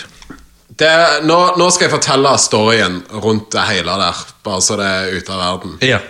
Og det er at eh, det bildet der, det starta egentlig som en spøk for meg. Mm, du sa Og, det, dette her, og, ja. og dette her Det var derfor jeg tror bildet slo an litt. På grunn av at det var ekte, og det var min tanke om at uh, Ja, Hva som skjer? ja, igjen inne på dette her kunstdelen. Dette var deg, ja. Du gikk ikke Ja. for noe, noe mainstream shit, liksom. Du gikk for, for deg spesifikt. Ja, det er litt sånn Selvfølgelig. Det, det er så mange gatekunstnere nå ute som fortsetter med å lage den der unge jenta og alt det der på grunn av at det, det selger. Og det er litt sånn Der har jeg vært veldig på det der at jeg kommer ikke til å lage noe bare for å lage det for å selge. Nei, det blir den bunaden og den masken no more, liksom. Altså, Det, det er litt sånn si, det, det er ingenting mer nå. Å si der. Nei, jeg kommer aldri til å lage den igjen. Nei, nei, ikke den, men i den det. stilen, hvis du tenker, da. Altså Nei, det er litt sånn Ok, det jeg skal innrømme det at eh, når jeg lagde det bildet der det, det var veldig spesielt, egentlig. Fordi to-tre uker før jeg lagde det, da fikk jeg ideen. Og det var før vi var kommet i unntakstilstand og alt det der. Ehm, men da vi hørte det der at korona det begynte å treffe Norge, og da begynte det å ese seg litt og litt mer opp. Og da, da fikk jeg den der tanken at ok, ja, vi nordmenn vi er såpass nasjonalistiske når det kommer til 17. mai at vi kommer til å gi faen. Folk Ja, kommer til å gå rundt ja. i bunad, de kommer til å gå i gatene, men de kommer til å gjøre det med munnbind. Så det jeg tenkte, det var bare litt sånn Der var da realiteten. Og det, det ble på en måte en liten sånn spøk jeg hadde med meg sjøl, at eh, Ja, dette er det som kommer til å skje. Ja. Dagen jeg lagde det, det var ei uke etter unntakstilstanden var starta. Den dagen der Jeg har en uh, som hjelper meg med å kjøre rundt og ta fotografi av alt det som blir lagt. Ehm, jeg ringte han den kvelden, og det var den kvelden jeg lagde det. Og da satt jeg Jeg hadde drukket faktisk en sekspakning med korona på pure faen. Jeg satt der, jeg begynte å tegne opp, jeg skjærte ut stensilene. Jeg hadde ikke tatt testspray engang av bildet. Det eneste jeg gjorde, jeg ringte han og sa 'Har du en plass til meg? Jeg har et bilde'. og så ja, Han kom og plukket meg opp. Faen, så nice. Og så gikk jeg bare rett der på Kronstad DPS, spraya det opp. Det er jo noe med det der som er ekte.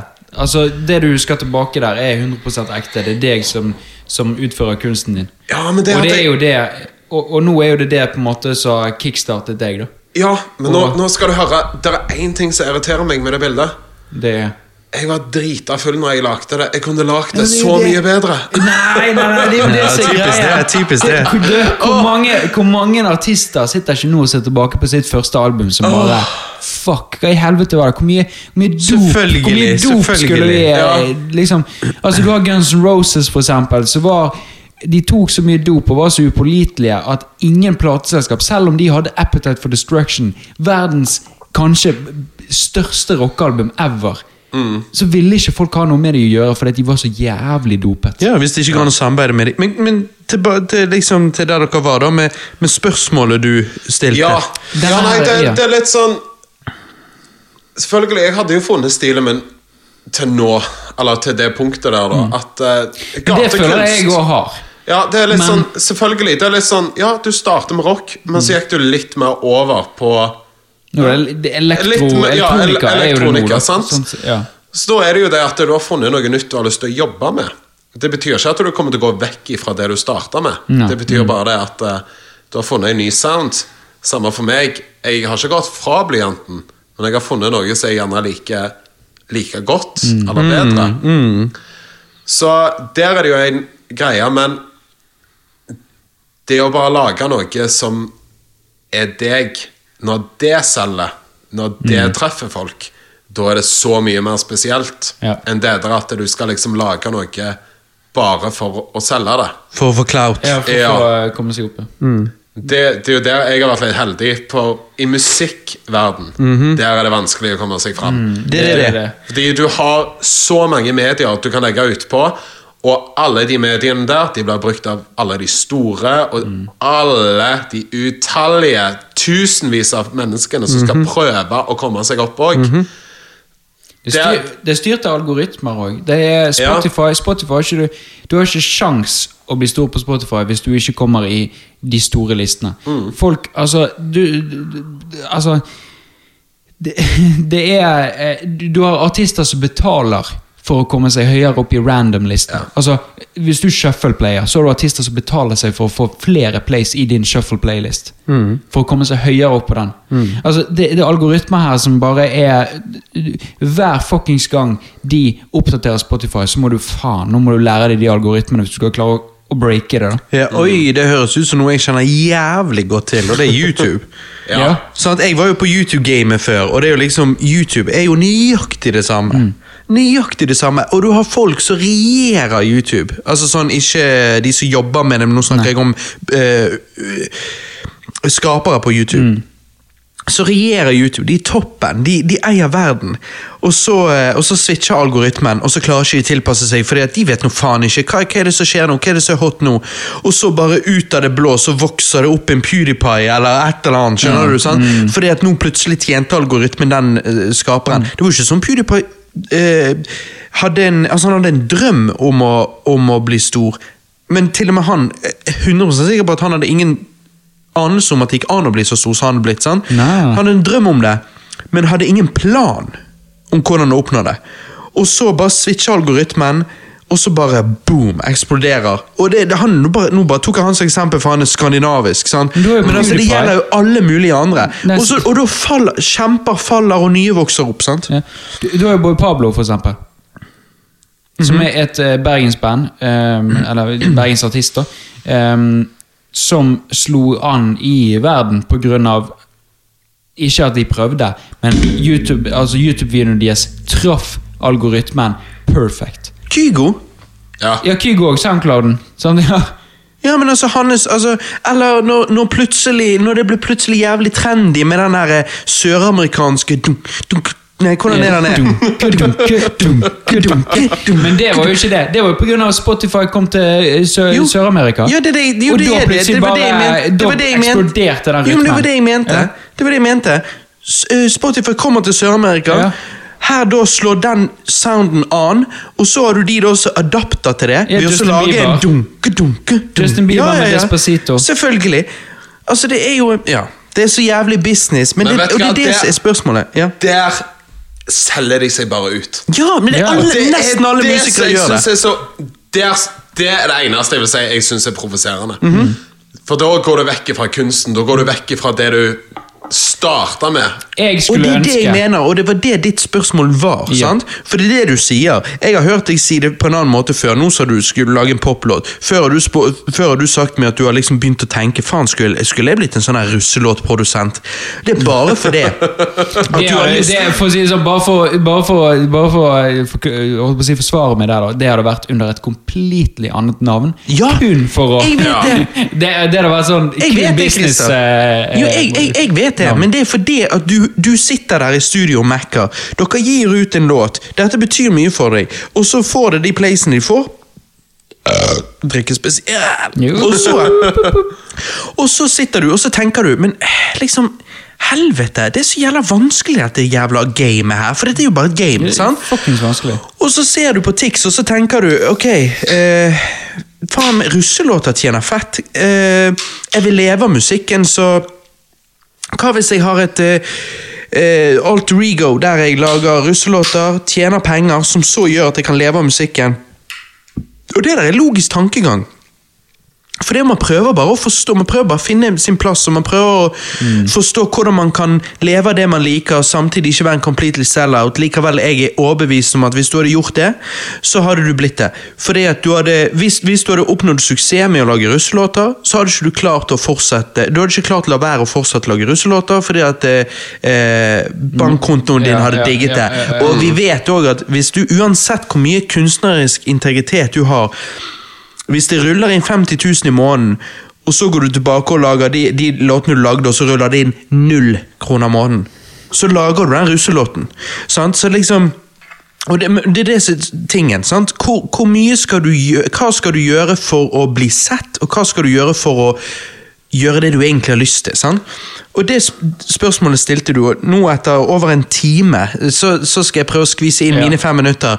Med, og, så, og, og, og den reisen egentlig faktisk kommer nettopp innpå det spørsmålet ditt. og det er Ja, men da, det er fort, så... da tar du stafettpinnen nå, Det er, det- ja, det er derfor det er så altså, interessant. det der. seamless transitions. Det er, Nettopp. nettopp.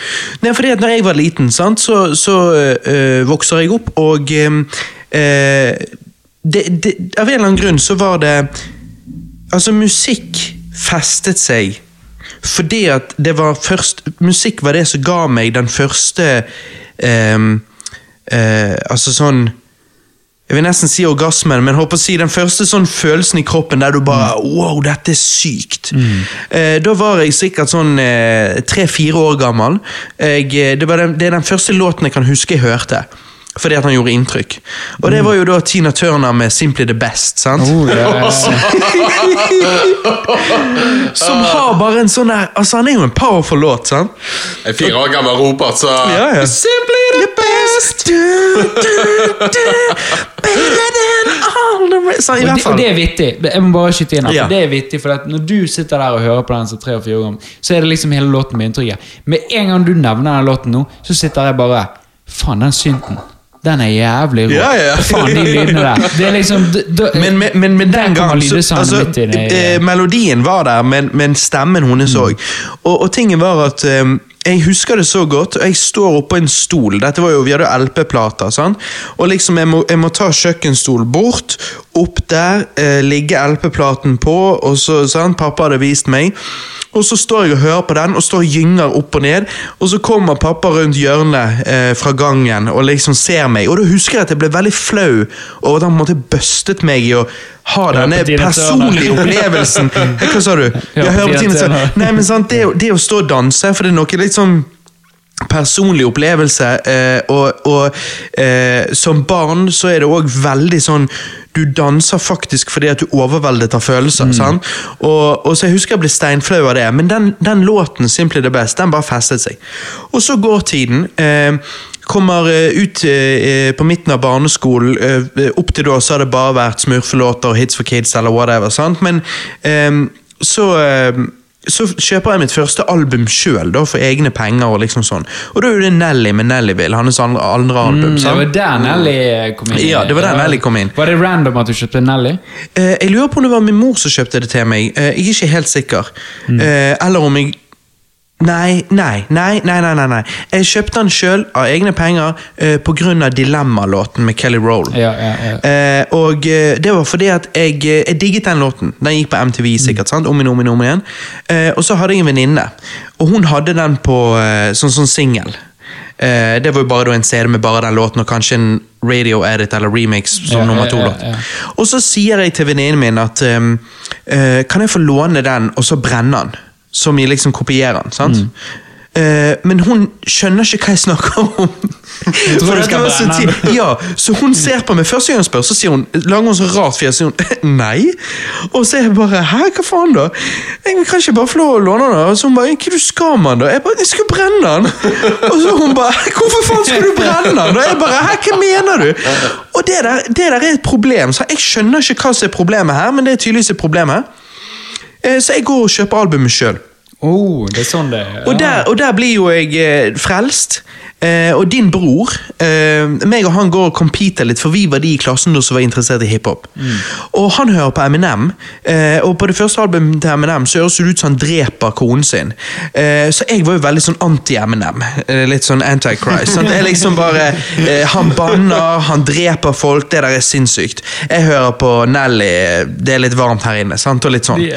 Hard in here, sant? og de låtene der, og Dilemma, kjærlighetslåt. sånn. Eh, Men så går nå tiden, og så får jeg interesse for flere forskjellige hiphop-låter. Men jeg skal bare, før jeg eh, fortsetter, så skal jeg bare hoppe frem eh, eh, nesten ti år.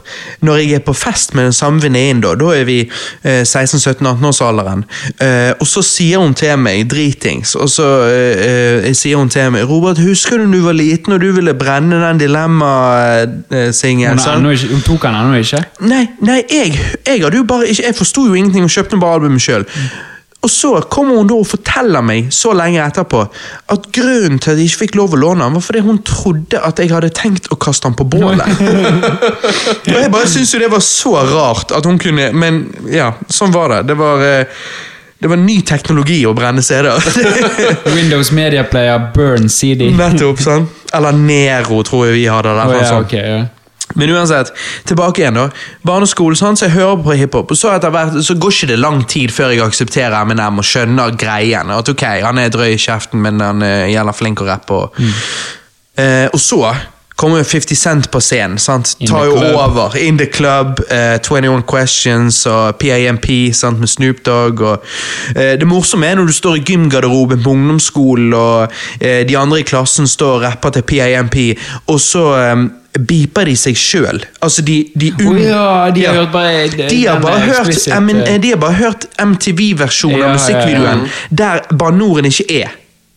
Så de sier um, mother, mother PIMP, og så bare sånn her Så står jeg så er litt mer i, i, i, i selve altså, musikkfan og bare tenker å herregud, å herregud, så rar påvirkning liksom media har. At liksom Ja. de, de tror at låten bare mangler et ord. Eh, det, det, det er sånn type sånn Disney Pluss-greie. At Hvis Ja. noen skal si 'fuck' i en serie, så er det bare sånn You mother mm. Ja, sant? Nei, det er så rart. Men i, hvert fall da, så 50 Cent var det shit. Han var jo den siste ordentlige, det de kalte gangsterrapperen som begynte igjen med NWA før, rett før jeg var født. Um, men så går jeg alltid med et ønske om å, å lage hiphop-låter sjøl, rappe sjøl. For det, det som jeg tror inspirerte meg mest med hiphop og rapp, er, er, er, er låtskrivingen. Fordi at i den sjangeren så er det så veldig med dette med at du skal skrive låten sjøl. Det er jo gøy med meg og deg. Jeg er på lyddesignet, du er på uh, Lyrics, så å si. ja. Det, ok, dette her Det er jo det som er vanskelig med rapp. Det er det eneste jeg, jeg kan tenke her nå. På grunn av at det, det er ikke bare det at du må være teknisk flink med å rappe, men lyrikken, Mm. Ja, det ja, å skrive ja, ja. ned alt, Nettopp. det er jo en greie. Men så har du òg igjen det tredje der. Lyddesign, beaten. Mm. Ja. For beaten må være fengende. Ja. Og det er litt sånn Da mener jeg ikke at det skal være sånn ut på byen. Nei, det må treffe deg. Nå, på en eller annen ja, måte. det, det er litt sånn Du må ha den beaten som bare Dette føler jeg. Åh, ja. Ja. Nå kan jeg sette meg tilbake og bare Jeg tror vi må vise, vise noen beats etterpå. Ja. Men i hvert fall um, Ja, nei, så det er liksom Og, og det er jo derfor jeg tror at hiphop er litt sånn um, Det får fram Altså, min mor har alltid vært veldig flink til å skrive dikt. Uh, og det jeg eventuelt har arvet av hun der, det viser seg sjøl i form av hiphop i dag. For det er den nye dikten. Altså, det er Mm. Jo det som er Det å skrive egne låter. Uh, Det er jo poesi med musikk. ja, nettopp. Og pluss at i hiphop så er det strukturert veldig så, så dikt òg, fordi at en eller annen låt der du drar ut ordene, er noe annet enn dikt som ofte er leselig. Le, altså du liksom sånn Og med hiphop er det så er det handler om hvordan likt. du leser det òg. Ja, ja, ja. I hvert fall da, så Jeg begynner jo å skrive litt sjøl. Jeg har fremdeles den lille boken fra da jeg var eh, 10-11-12 år, der jeg har skrevet lyrics sjøl. Jeg må finne det, da. Men, men eh, for jeg må ta en titt, Nå er det en stund siden jeg har tatt en titt på det sjøl, men jeg har det oppe i andre etasje.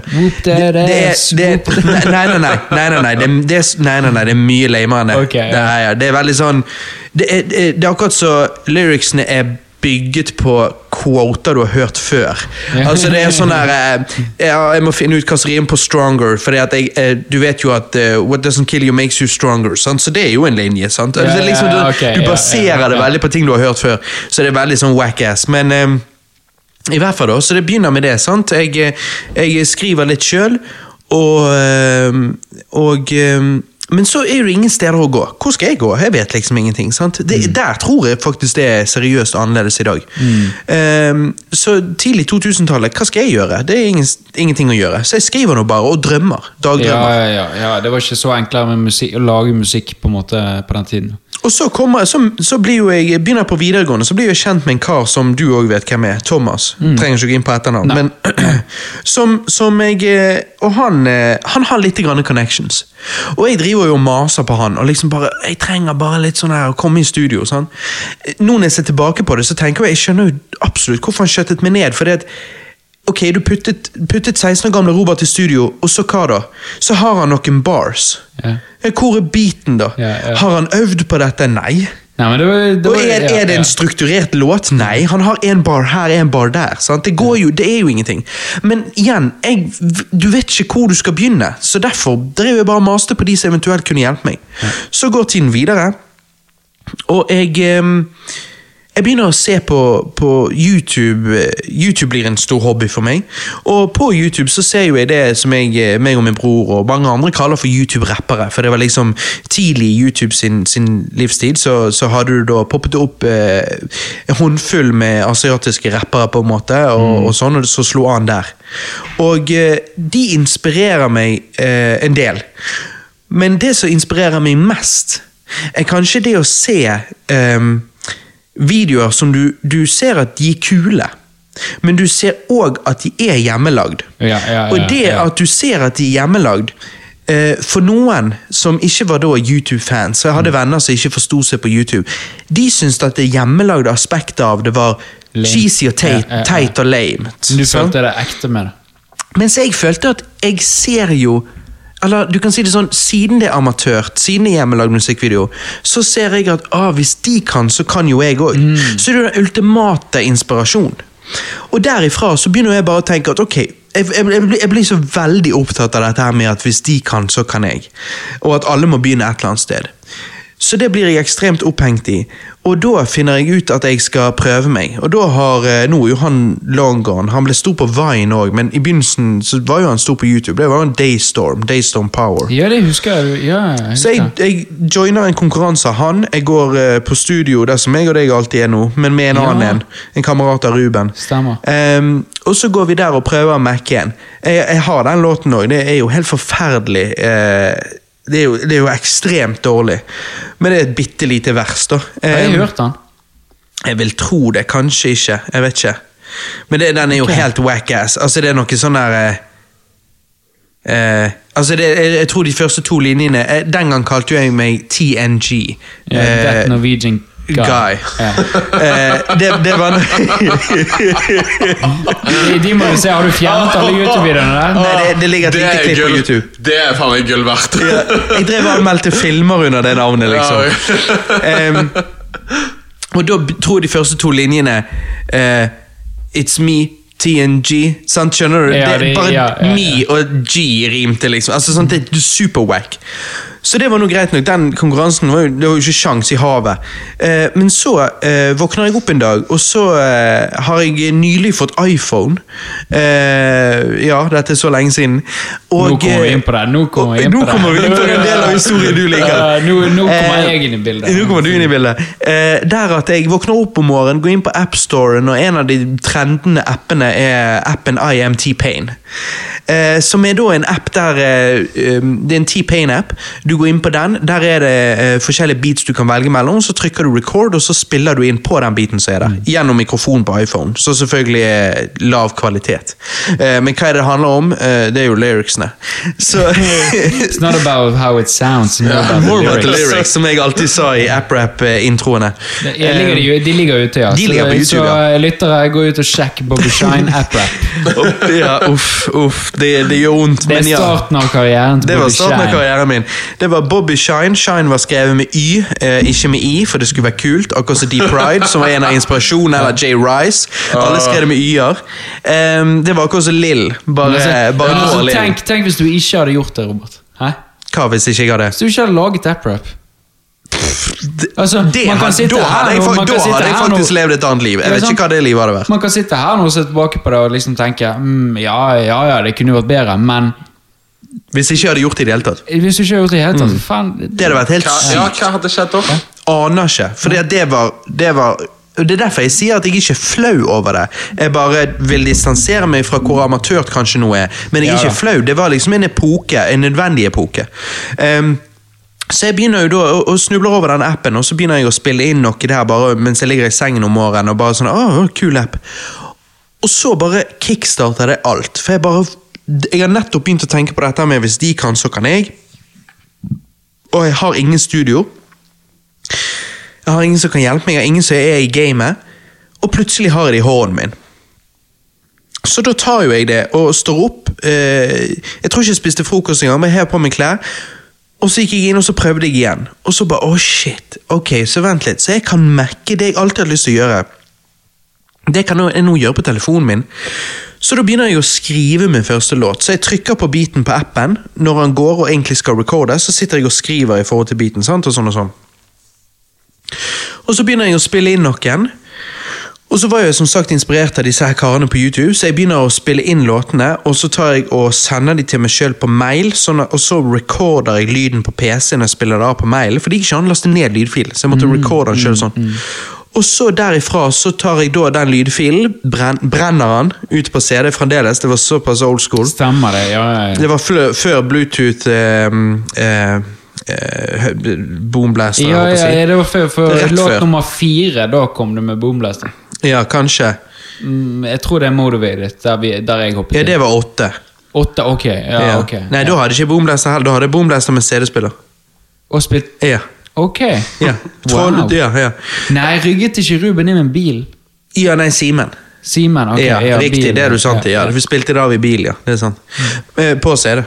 Anyways, eh, så jeg brenner den ut på CD, eh, putter det i boomblasteren eh, og sånn og sånn, og går ut og, og begynner å filme musikkvideoer, amatørmusikkvideoer med disse låtene. da. Og det, det starter jo hele greien, og derifra så bygger jeg en fanbase. Altså, det, det begynte jo da med liksom sånn type 1000, 1000 visninger per, vid, per musikkvideo jeg ga ut. Og så selvfølgelig etter hvert som jeg ble liggende, økte jo det litt, men det var liksom ved hver release da, så var det eh, tusen stykker som flokket til, kan du si. Um, og det var jo også fordi at jeg drev og gjorde sånn gamingting på YouTube. Altså, jeg var strateg. Der kommer det inn den business-delen av det igjen. At jeg liksom, jeg launchet jo den første musikkvideoen sammen med at jeg launchet en, en gamingkanal med en Let's Play av et nytt spill som jeg kjøpte fra en nettside som jeg visste sendte spillet ut tidlig, sånn at jeg kunne lage den Let's Playen før noen andre på YouTube. Så derfor gjorde at jeg fikk over 20 000 visninger på den Let's Playen, altså mm. per video. Ehm, og så linket jeg fra det over til musikkvideoen og over til vloggekanal, og lagde liksom en hel sånn verden En pakke rundt det. Ehm, og så fortsatte jeg med det der lenge. Eh, og så gikk jo jeg fra denne appen på mobilen og oppgraderte til å kjøpe eh, et eller annet sånn T-Pain Engine, eller et eller annet sånn eh, som var liksom hans PC-musikkprogram. da.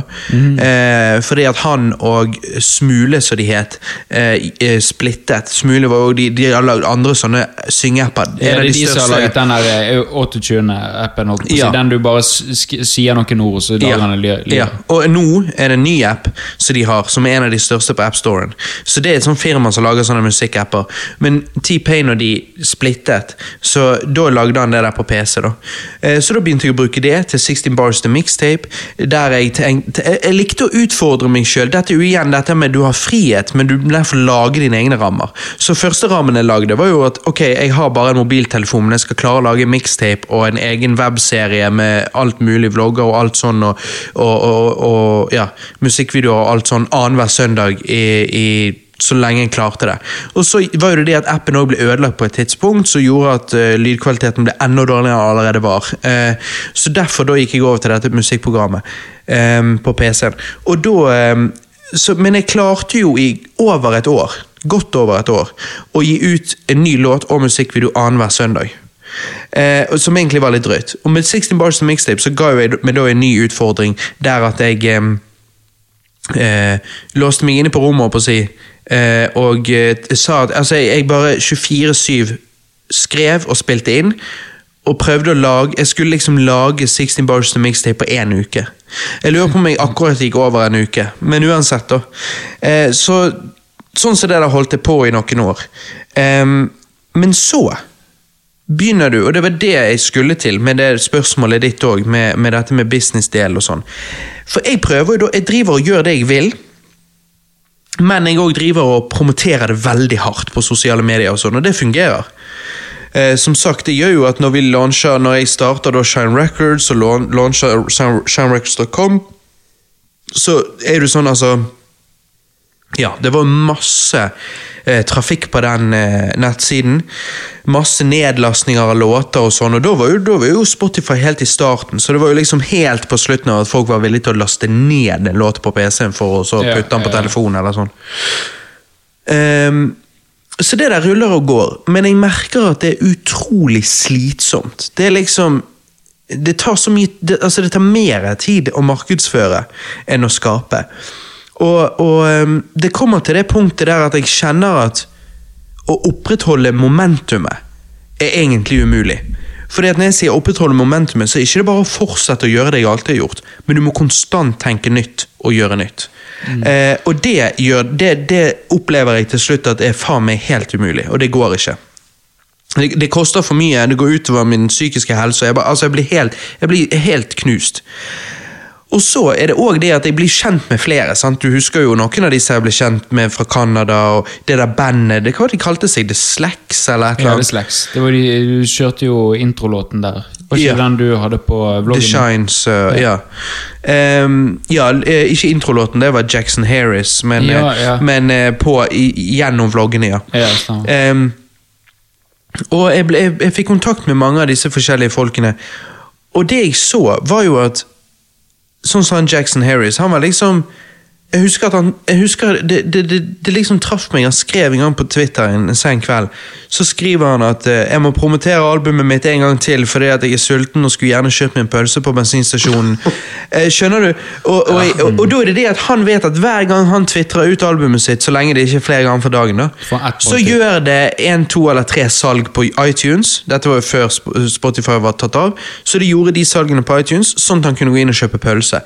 Og da bare tenker jeg ok, dette Sånn som det der går ikke an. Det der, hvis det er det jeg strever for For jeg følte at liksom nå begynner jeg å klatre mot at jeg kan begynne å tenke sånn som de. Og så ser jeg hvordan de tenker, og så tenker jeg å ja, vent litt, vent litt, vent litt. Hva faen, vent litt. Skal jeg skjel, selge sjelen min for en pølse på bensinstasjonen? Altså, det, det, det går ikke an. Dette går ikke. Så da var det jeg switchet totalt om. Og i, i de neste årene da fokuserte veldig på ordtaket quant, quality over quantity. Fordi at, ok, drit. Jeg får ta og gjøre hvilken som helst jobb for å få smør på brødet, håper jeg å si. For å betale regningene. Og så bruke fritiden min på å, å, å fokusere på selve kunsten. Og da faktisk fokusere på kvaliteten av den. Det å lage noe jeg virkelig vil, og putte mye tid inn i det.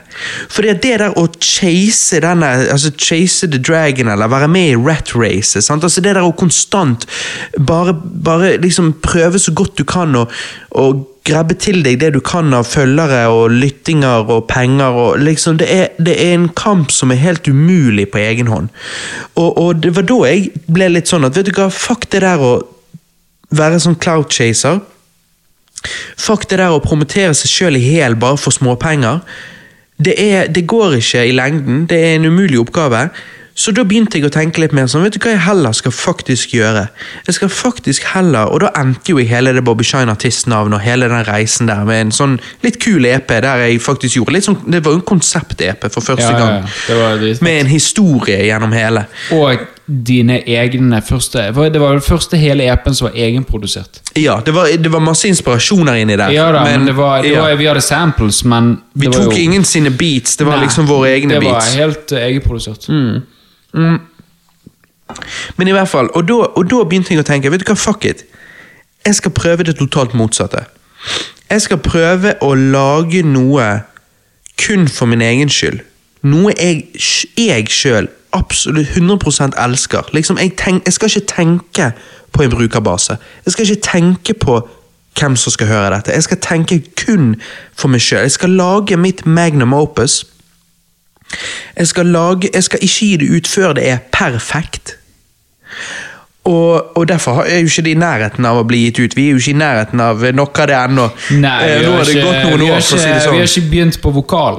Nei, nei, nei, ikke i det hele tatt. Jeg har ikke skrevet en bar. Jo, jo, jo, det var Jo, det har du gjort. Jeg har skrevet en bar, Ja. men jeg har ikke skrevet ferdig en låt engang. Ja, men det, det er litt sånn Der skal jeg bryte inn, og Ja. jeg er så jævla enig med det du sier. Det er at Mm. dere må ha det stabile ved siden av. Ja. Ja, Det, for tingen ja. er at Hvis du skal bare deepdive rett inn Så går det utover kunsten. Ja, på grunn av at da, da, må du da tjene lager du noe for å overleve. ja, ja. Det er litt Ja. sånn, Da lager du bare for å lage. At du Ja. må lage. Men er at hvem lager du for da, da? Ja, sant. Det du trenger, du trenger den tiden. Du trenger Ja. sikkerhetsnettet, men samtidig så får du Det er bare opp til deg sjøl. Hvor mye tid Yes. du ønsker å bruke på det i hverdagen. Mhm. Og med en gang når du får brukt lang tid på noe, produktet, det blir så mye mer verdt. Absolutt. Og Og liksom følelsen òg. Ja, følelsen for der kommer den mestringsfølelsen inn igjen òg. Du har mestra det for deg sjøl, og da er det bare egentlig opp til publikum hvordan de mottar det. Pluss at du kan si det sånn, jeg ga ut ting før, så ga jeg det ut når jeg tenkte det var greit nok. I dag så gir ikke jeg det ut før jeg tror at det er ingen måte for meg å gjøre dette bedre. Det vil alltid, det vil alltid bli. Men det finnes et punkt der du Som du alltid har sagt, Robert. Det er en grunn for de sier 'slippe en låt'. Nei, men, ja, Det vet jeg, men jeg vet, du du sier. han, jeg vet hva du sier, men jeg, jeg kødder ikke. Jeg tar det til neste nivå. Se nå. Vi har, Wow. vi har lagd en beat. Nei, men vi har lagd en beat. Den er ferdig. ja. Men til og med på den beaten så har vi lagd forskjellige versjoner. Mm. For jeg har sagt det at ja, men hva med den scratchen i forhold til den? Jeg vet ikke, jeg klarer ikke å bestemme meg, så jeg vil heller ha to forskjellige versjoner. Så derfor har jeg tre versjoner av den ene biten. Men den er perfekt. Der vil ikke jeg endre noe. Den er, og det, det er jeg og da, så når jeg, mener, når jeg sier perfekt, så mener jeg for meg. Så det vil si, Ja, det kan være andre ja, som kan ha andre meninger. Men, men helt alvorlig, du vet at Apache-biten eh, vi har lagd, sant? Når jeg sier perfekt for meg, så er det fordi jeg mener at det er ingenting jeg vil gjøre annerledes. Og jeg har prøvd. Jeg, jeg hører på han om igjen og om igjen og tenker hva kunne gjort annerledes her? Hva kunne jeg gjort annerledes her? Jeg kunne gjort det. Nei, det ville vært dårligere. Jeg kunne gjort det. Nei, det ville vært dårligere. Det at jeg nå hører den biten og vet at jeg syns den ikke kunne vært bedre, da er det det neste steget for meg da er å skrive lyricsene. Og det vil være en jævlig lang prosess. Og så vil det være å spille de inn. Det vil være en jævlig lang prosess. Mikse de alt dette. Men Og så har du hvor mange er låter på dette albumet? Eh, 20. Ja. Ok, her, her vil jeg faktisk si noe, på grunn av at det er en ting som er veldig lett å kalle overarbeide. Ja. Og nå mener jeg det er at du overarbeider et verk. Ja. Det er litt sånn, Du må lære deg å si nei. Det er perfekt Ja, nå- som ja, det er. På grunn av at Uansett hvor perfeksjonist du er, om du ser den der lille detaljen der Begynner du på den lille detaljen, da begynner du å fortsette videre ut derifra, og til slutt så blir det noe helt annet. Det er noe med det der det egentlig eh. Ja, det er noe med det der å si 'jeg er ferdig, move on to next project'. det er så mange ganger etter jeg har innrammet et bilde, og jeg har bare sett på det bare Åh, ja, men jeg kunne jo gjort det, jeg kunne jo gjort det. Men med en gang når jeg begynner i den tankegangen der, da, så er det sånn, da begynner jeg å tenke Faen, jeg kunne fucka opp det bildet. Det, det har du helt rett i. Så når jeg mener uh, altså Det er bare det at den biten har jeg, jeg, jeg, altså jeg kan jo seinere mene han ikke er perfekt, men per dags dato Ja, så, ja. så bare ser ikke jeg hva jeg kan gjøre bedre. og Derfor tror jeg at hvis jeg nå så, nå så, du, så jeg har jo på en måte gitt slipp på han, for jeg har jo nå da sagt at sånn. Fordi at hvis jeg, jeg kan gå inn nå og ødelegge han, men det vil jo være feil igjen. Mm. Så det er derfor jeg sier at jeg hører på han, og så ser jeg jeg kan gjøre dette. Nei, det ville vært dårlig. Jeg kan gjøre det. Nei, det fucker med det. Altså, så jeg er sånn, men, men det er interessant at dere sier det, for nå er vi kommet inn på noe annet, Også, jeg egentlig ville komme inn på senere, men vi er der. Og det er litt det at liksom Will Smith han sa jo ehm, Han sa jo nok en gang om, om det å ikke fokusere på hele murveggen, men å fokusere på å ligge hver enkelt murstein perfekt. Og da vil murveggen bli perfekt. Som en kreativ person sjøl, så er jo jeg definitivt en perfeksjonist. Det vil ikke si at alt jeg lager blir per perfekt. Da måtte jeg òg uh, vært ekstremt tålmodig, uh, noe jeg ikke er, og vært uh, gitt uendelig med tid. Men det å være en perfeksjonist, det er jo veldig typisk for oss som er kunstnere. og men det kan være vanskelig. Man kan fort gå seg vill i den kreative prosessen. Meg og deg, Christer, kan jo mekke noe i studio, bruke lang tid, føle vi nailet det, for så komme tilbake neste gang og tenke hva faen? Hvordan, hvordan kunne vi mene at dette var bra mikset sist? Var vi høy, eller? Vi har jo da tviket en lyd så mye at han blir dårlig igjen, og det har vi gjort flere ganger. Eller det vil si, jeg tar på meg skyld, for det er jeg som driver og sier nei, vi hører ikke det, jeg hører ikke det, og så driver vi og tviker på han, og så kommer vi tilbake eh, dagen etter, og så bare, vent litt, Robert, hva tenkte du? Sånn? Der er jo det litt sånn her eh, Akkurat den biten der er jo på en måte det at Det er sampling. Det, det er sampling. Det er sampling, det er scratching, det er old school, Ja. så det er ikke så mye, du kan ikke gå inn i hver eneste lyd. Nei. Og, igjen, Og det gjør det lettere. du- du Men der har jeg satt grenser for meg sjøl. Og der har du det eh, i, i hermetegn, eh, hermeøyne, da. Eh, eh, altså det analoge. For Mm. du har human feeling på det. Så den scratchen der kan ikke vi gjenskape. Nei. Så hvis vi skal inn og prøve å gjøre den bedre, så må vi liksom Altså du, du, du, du, Det, det blir Det- som å det- ta bilder det er av en liksom- sol, Det blir som ja. å ta 100 bilder av en solnedgang, velge hvilke av de som er best, og så si 'fuck it, jeg tar 100 til i morgen'. Ja. Altså, Hvor mange ganger skal Ja, du gjøre det? Det, det er litt det samme som når jeg tegner i linje, og hvis jeg ser at ok, ja, nei, å, jo, det var jo bra, men jeg er nødt til å endre på det, jeg visker den vekk. Uansett om jeg har lyst til å tegne den tilbake som den var, det blir aldri det samme. Nei, Nei, nei. Det er litt sånn, Da er egentlig Sant. bildet ødelagt. Ja. Så det som jeg har lært meg sjøl Det er rett og slett ja. Nei, det, det som jeg har lært meg sjøl, det er det at eh, til den dag i dag Jeg bruker bare viskelær Ja. til å lage highlights. Jeg visker Wow. aldri noe ut. Og wow, det- det er Wow, kult. det er Det er kult. det. Det er er noe som jeg syns er viktig i alt når det kommer til det kreative. På grunn av at Du kan gå inn, du kan tweake litt sånn som det, men jeg tror det viktigere det å jobbe seg rundt det problemet som var. Ja, igjen, det er en grense. Det er en grense. Det- det Du er sitter for deg sjøl. Nei, vet du hva? Der har jeg veldig mye meninger. Fordi okay. dette her, det skapte faktisk et av mine kjennetegn til kunsten min. Jeg elsker å male og tegne indianere og Jeg har alt sett det, det er rått. Ja. Måten det starta på, det med at jeg lagde krigsmalingen På første indianeren jeg tegnte, det er at jeg sølte en kaffeflekk. Og da var Mm. jeg langt inne i bildet. Og da er det sånn Jeg kan ikke redde dette. Jeg, hvordan skal jeg redde dette? Og så var det bare Ja, det er jo en indianer. Mm. Og så begynte jeg å bare tegne over, og så bare tenkte jeg Hva hvis jeg lager krigsmaling? Mm. Så lagde jeg krigsmaling på det. Og det er litt sånn det er, Happy accident. Ja, og det er det jeg mener. Det er litt sånn Når du hører noe Når du hører gjerne på en beat eller noe sånt som det der, det er litt sånn Fortsett med det. Ikke slutt å gå inn og tweak, men bare Jobb deg rundt det. Ja, men det, det gjør du. det. Det gjør du. Jeg, jeg har jo òg Det nevnte jeg ikke, for nå har vi vært så um, musikkfokusert. Men Mm. når jeg var yngre, så trodde jo jeg ikke at jeg skulle drive med musikk et, eh, altså før jeg ble tatt av den bugen. da Eh, Og likevel skrev jeg linjer og sånn og sånn. Men det jeg trodde jeg skulle bli, var jo filmregissør. For jeg var jo ekstremt opptatt av film. Jeg elsket jo å lage film med vennene mine. Vi hadde jo en egen greie. Vi kalte jo oss MT, Movie Stemmer, Team. Movie Team. Eh, det var et veldig kreativt navn. Ehm, og, eh, og eh, da redigert da har jo, altså, jeg, jeg, jeg kan jo redigere. Jeg har jo redigert hele livet. Eh, og eh, det er jo For du kan si det sånn, Når jeg og deg lager musikkrister, så føler jeg at vi alltid kan bare gjøre det på nytt igjen. Fordi at du kan si det å ta et take til, det kan du gjøre rett der. For du mikser det og tar det opp på samme sted. Og så kan du lagre det gamle taket. Ja, Men når du redigerer video, film, så har altså Det du sitter og jobber med, det har du gjort for lenge siden et helt annet sted. Mens det meg og deg sitter og jobber med, det gjorde vi nettopp rett der. Derfor går det an å gjøre det på nytt. Mens når jeg redigerer video, så må jeg tilpasse meg så hvis, hvis kameraet begynte å filme for seint, eller klippet for fort, eller uh, Her trenger vi å putte en B-roll inn for å dekke til noe annet, så er det liksom Da kan ikke du gå ut og Altså, Du kan jo gå ut og gjøre reshoots, men det, det er så mye mer kostbart og så mye mer eh, stress. Så når du redigerer video, da føler jeg du veldig fort lærer deg det der å tilpasse deg en feil. En, tilpasse deg en kaffeflekk. Og liksom jobbe deg rundt det. Jeg, jeg snakket med en, eh, en, en kompis som har vært i studio nå og, og laget en eh, EP. Fire låter. Uh, kommer snart, faktisk. Jævlig fett.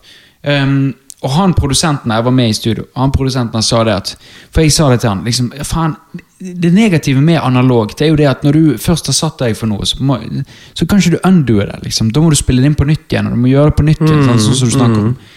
Um, og da sier han at ja, det er sant. Og ofte så, så, så må jeg bare bestemme meg for jeg, jeg går for det. Jeg går for den stilen. Jeg kjører den miksen på det trommesettet. Sånn som dette er det. Jeg har bandet nå. Dette er det jeg må gjøre. Og så har han det opptaket, og da må han bare lære seg, så akkurat som du sier, jobbe seg rundt det opptaket.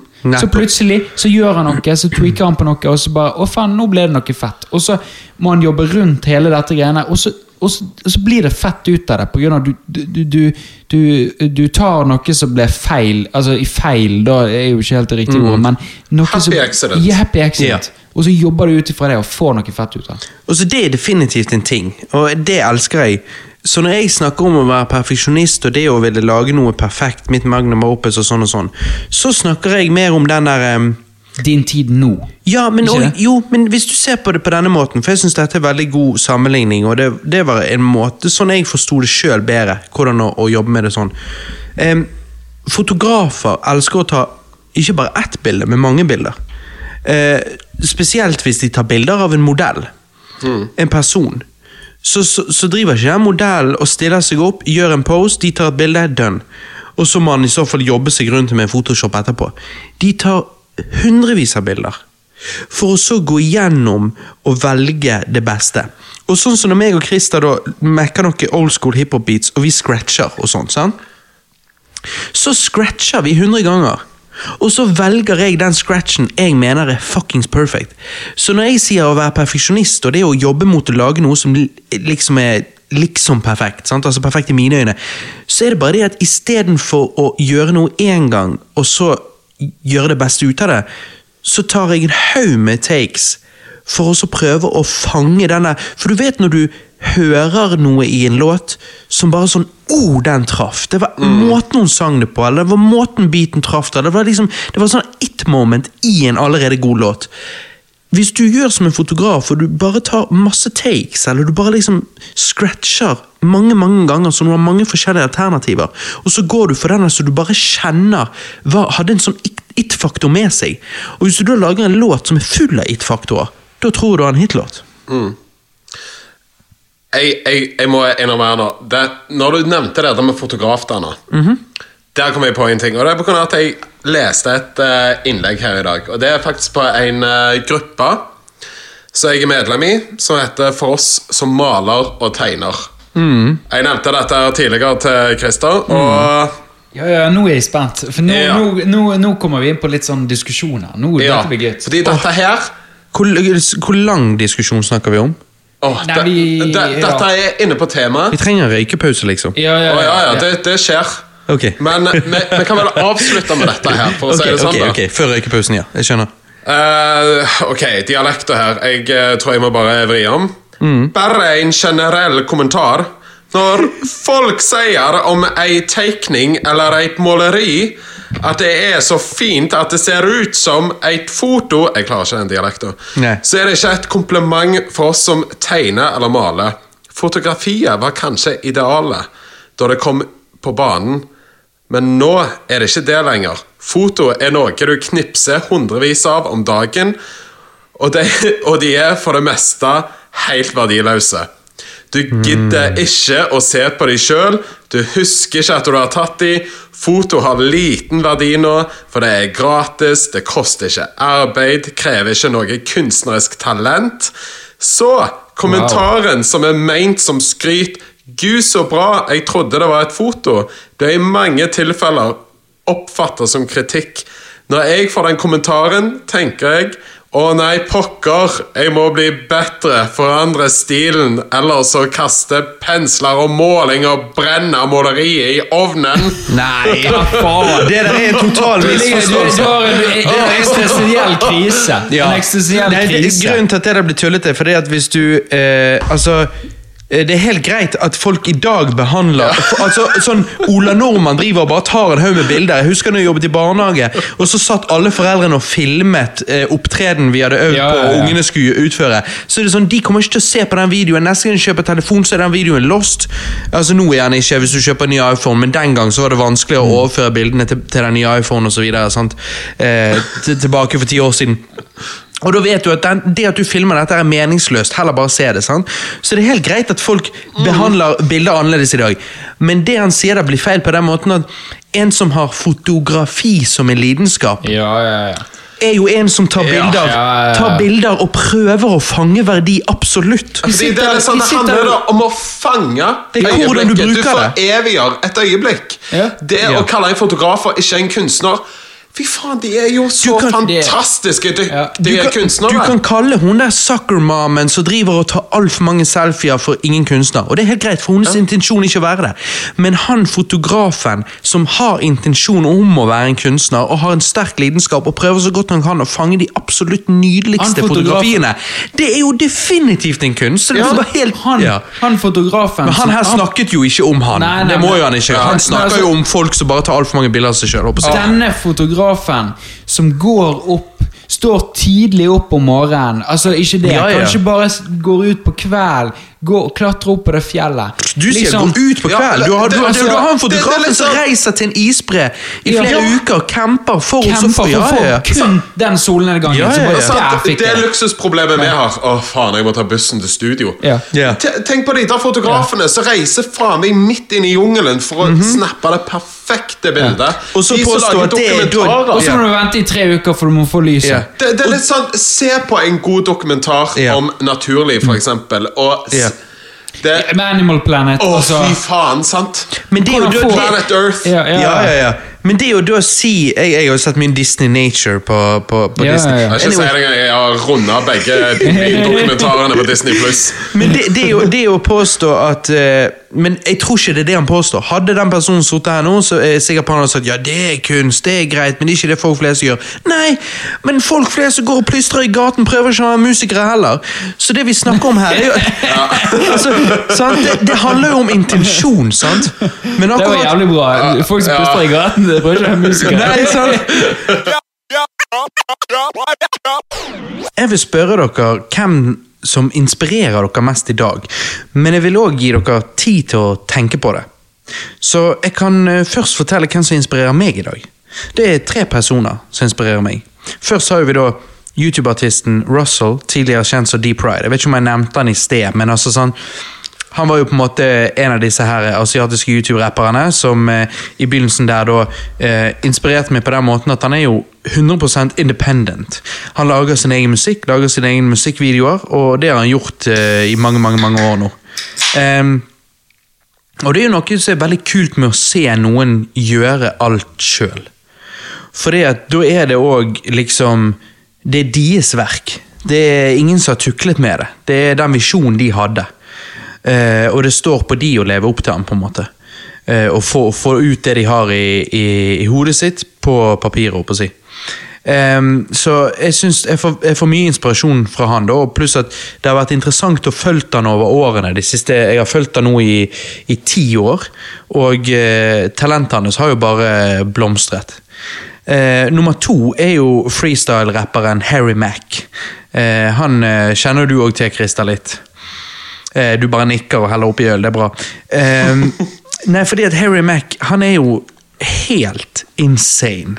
Altså, han kan jo sitte flere ganger i uken og livestreame, der han da rapper non-stop i to timer, og folk driver og spammer kommentarfeltet, og han bare tar ord etter ord som de skriver, og, og rapper og implementerer det i rappen sin. Og når jeg er sier sykt, liksom når jeg sier en freestyle-rapper på den måten der, så, så mener ikke jeg Da er det sikkert mange som ser for seg en eller annen helt ok Altså, vi snakker om Han rapper på nivå med de mest gjennomtenkte og konstruerte låtene. Det er liksom Barsen hans er ikke hemmet av at de kommer fra hodet direkte derfra. eh, uten å ha planlagt det på forhånd. Det er, han har et sinn som tydeligvis eh, går så fort at, eh, at det er Det er ikke gissegass, for å si det sånn. Nei, og du, og du Nei, det er det ikke. og du, Christer, som liker litt sånn fjerde dimensjon og sånn og sånn. Altså, under en av livestreamene så plutselig bare ender han opp med For det er en som uh, sier uh, rapp om uh, em, denne her eh, teorien om at vi er i en simulering. A simulation theory. Ja. Og da bare begynner han, da bare rapper han fire minutter om det, og jeg føler han fanger hele den simuleringsteorien på en helt fantastisk måte. Og det gjør han bare der og da. Ingenting er planlagt på forhånd. Så han har jo et, eh, et kreativt sinn og et aktivt sinn som er uten like. Altså, det er helt utrolig. Og jeg tenker på mange måter egentlig når jeg hører på han, så tenker jeg at sånne hiphop-hoder som meg sitter jo liksom Eminem, Biggie Smalls, Kanye West på liksom toppen av pyramiden. Kanye West. Ja, ja. Ja, okay. ikke, ikke nødvendigvis som barsmessig, men ja. sånn helhetlig. Altså, han er jo, han er jo badass Jeg med beats. Jeg er jo Kanye West er min favorittrapper. Ja, ja, sant.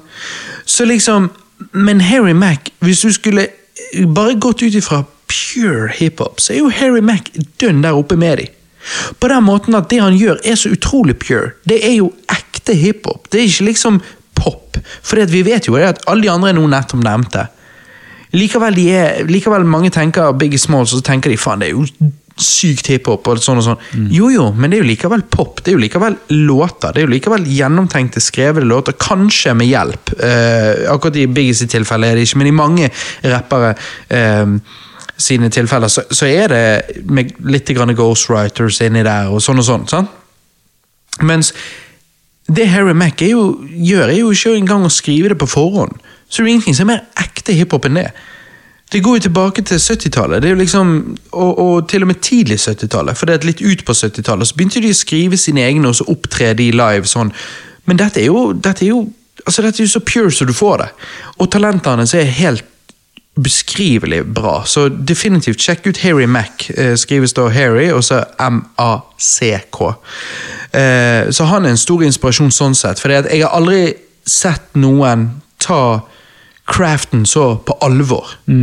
Som han gjør. Og han har jo vært på The Ellen Show, du der alle med talent ender opp. eh, Han har det, altså. Ja, ja. Og så har jo han vært på et radioshow der han sitter og freestyler da ved siden av.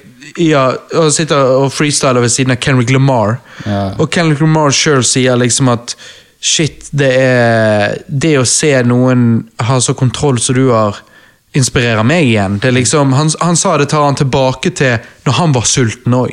Og det får han til å få lyst til å gå rett til studio og mekke shit. sant? Og det at Harry Mack da er såpass underground og såpass ukjent som han er, det er jo en skam. Altså, Her har du liksom legender som, som ehm, eh, Kendrick Lamar så hyller han, og så bare tenker jeg shit, flere trenger å vite hvem han er. Så han er en stor inspirasjon. Og så til slutt selvfølgelig har vi da skaperen av In the Heights og Hamilton, eh, Linn Manuel Miranda. som for meg Jeg snublet jo over Hamilton med eh, uhell. Jeg, jeg, jeg jeg visste ikke hvem han var på forhånd. Det var ingen som introduserte meg til han. Jeg tror jeg eh, enten ble nevnt i en podkast, det er mulig, eller så var det bare det at jeg gikk inn på iTunes og så på topp solgte album liksom den uken, eller whatever, og så var det Hamilton. Det var da det kom ut. Og da vet jeg at jeg tenkte liksom Jeg tror jeg Jeg vet ikke om det var en beskrivelse på iTunes eller et eller annet om at musikal møter hiphop, eller et eller annet, og jeg bare syntes det var interessant. Det er bare ok. Så eh, laster jeg det ned, hører på det. Og første gangen jeg hører gjennom det, altså fra begynnelsen av så skjønner jeg at dette er noe spesielt, så derfor fortsetter jeg å høre på det. Men i begynnelsen, altså aller første gang du hører det, og ingen har introdusert det til deg, du finner det bare sjøl, så prøver du bare å sitte puslebitene sammen, for det er jo en så, så episk historie at det er vanskelig å, å forstå første gangen. Så jeg, etter jeg har hørt igjennom Hamilton en gang, så hører jeg gjennom Hamilton en gang til. Eh, direkte rett etterpå. Og dagen etter hører jeg det en tredje gang, og nå, for, nå har jeg hørt den tre ganger, nå skjønner jeg hele historien, nå skjønner jeg, ok, nå, nå er jeg her, nå, nå forstår jeg hele greien. Og så deretter fortsetter jeg bare å høre på det for å få detaljene. Og grunnen til at Lin Manuel Miranda er en av mine største inspirasjoner i dag, er fordi at han tar hiphop, og så tar han Broadway, og så føler jeg at det han klarer å gjøre, er å lage en bro. Eh, han har jo klart å, å få, få på Hamilton-mixtapen med seg folk som Buster Rhymes og Joel Ortiz og Royce the 59 og eh, Whatski. eh, Watsky, eh, Usher, eh, eh, Queen Latifah eh, Alle mulige folk som tydeligvis respekterer det han har klart å gjøre, og, og, og joiner hans prosjekt der sånn. Og det er jeg, jeg synes det, det eneste jeg syns er synd, er når jeg har hørt han på radioshow, eh, hiphop-radioshow, eh, underplaye seg sjøl. Altså liksom sånn si at på en måte det han gjør, er jo ikke liksom helt sånn hiphop. og liksom så, altså, det er ikke, det er ikke liksom der, sant? og du kan jo ikke sammenligne med liksom folk som er der. Men så jeg bare tenker, ok, altså du er topp fem eh, rappere for meg. Uansett om det du gjør er en musikal, altså det, samme det. det. Vi snakker jo her om talentet for å skrive hiphop bars. Og det å skrive da en musikal basert på hiphop bars, og en, en så episk musikal at that, liksom, det er, jo, det er jo For meg er det helt sinnssykt. Og jeg føler han lager en bridge. Altså, jeg vet at Etter jeg snublet over Hamilton, så begynte jeg å høre på flere musikaler. Jeg hadde hørt på musikaler før, men da begynte jeg å høre på enda flere. For jeg liksom bare Den storytellingen som er på Broadway, er så fantastisk. og jeg syns at folk eh, altså det, det, høres, det er sikkert sykt rart å høre meg si det, men jeg vil si at at Lin Manuel Miranda er faktisk underrated. Og når jeg sier det er sykt rart å høre det, fordi de som har peiling, vet jo at Lin Manuel Miranda er hyllet og har nå fått masse jobb gjennom Disney og alt det etterpå. Men når jeg sier underrated, så mener jeg bare på den måten i hiphop-communityen er underrated. Fordi at i hiphop-communityen så er det liksom Da er jo ikke han et typisk rappemateriale. Men jeg bare tenker, her handler det om å ta hiphopen som en craft og gjøre det eh, på en ny måte. Og hvis ikke han gjorde det, så vet ikke jeg. Altså, det han gjorde med Altså, nå det, snakker vi nesten tre timer eh, med content. Eh, vi snakker over 40 låter. Altså, det han har klart å skrive der det To er, timer og 40 minutter. ja, Det han har klart å skrive der, det er sinnssykt. Det er sinnssykt. Jeg, jeg, altså, han brukte over syv år på det. Det er, det er idiotsikkert. Det er så tight. Det er så jævlig bra. Det er et mesterverk uten like. Dette er de beste kunststyk, kunststykkene, bare kunst i det hele tatt, jeg noen gang har vært vitne til. Eh, og Derfor er det jeg sier underrated. Han har fått masse creds, det er ikke det. Men hiphop-communityen syns jeg ikke respekterer han på den måten han fortjener. Fordi at eh, Som et hiphop-hode som jeg er, så har jeg full respekt for han, og jeg, jeg, jeg syns det er helt utrolig at han har klart å få til det han har fått til. Fordi at du kan utfordre mange rappere der ute som har fått mer kreds i hiphop-communityen til å gjøre noe i nærheten, og de ville aldri klart det. Så det han har gjort, er helt fantastisk. Og jeg eh, kunne ønske at flere hiphop, typisk hiphop-hoder eh, anerkjente det og, og forsto det. Men jeg tror òg at det ikke så veldig mange hiphop-hoder nødvendigvis er helt klar over det og kanskje har fått det med seg. De har bare fått det med seg lett, men de har kanskje ikke hørt igjennom det for real. liksom, sånn. eh, Og det syns jeg man burde gjøre, fordi at Hvis man hyller eh, Kendrick Lamar for Mad, uh, Good Kid, Mad City som et konseptalbum, så forstår jeg ikke hvorfor ikke man tenker altså, hvis, altså Hamilton er jo det sykeste Hvis du bare ser på albumet, så er det det sykeste konseptalbumet ever. Altså sånn, det, er jo, det er jo helt utrolig. Og jeg vet jo at du òg er fan av Hamilton, oh, så du skjønner hva jeg sier. Det er Lin, Ma Lin Manuel Miranda i seg sjøl. Det er bare han, han er et geni. Er, Du kan, du kan ta mikken sikkert litt, svinge den litt nærmere, eller bare sånn. Ja, ja. vet du hva, det er ingenting som kan sies imot at han er et lyrisk geni. Og det, det, det, det er sånn Første gangen jeg hørte gjennom det sjøl, jeg ble målløs. Av at han han, han kan finne rim ut av ingenting, han. det, er, det er sånn han kan bare finne det opp. Sånn. Uten problem. Og den røde, og den røde tråden. Ja, det, det, det er litt sånn Tenk på My Shot. det, det er så Det er tredje sangen i albumet, det. My Shot. Ja.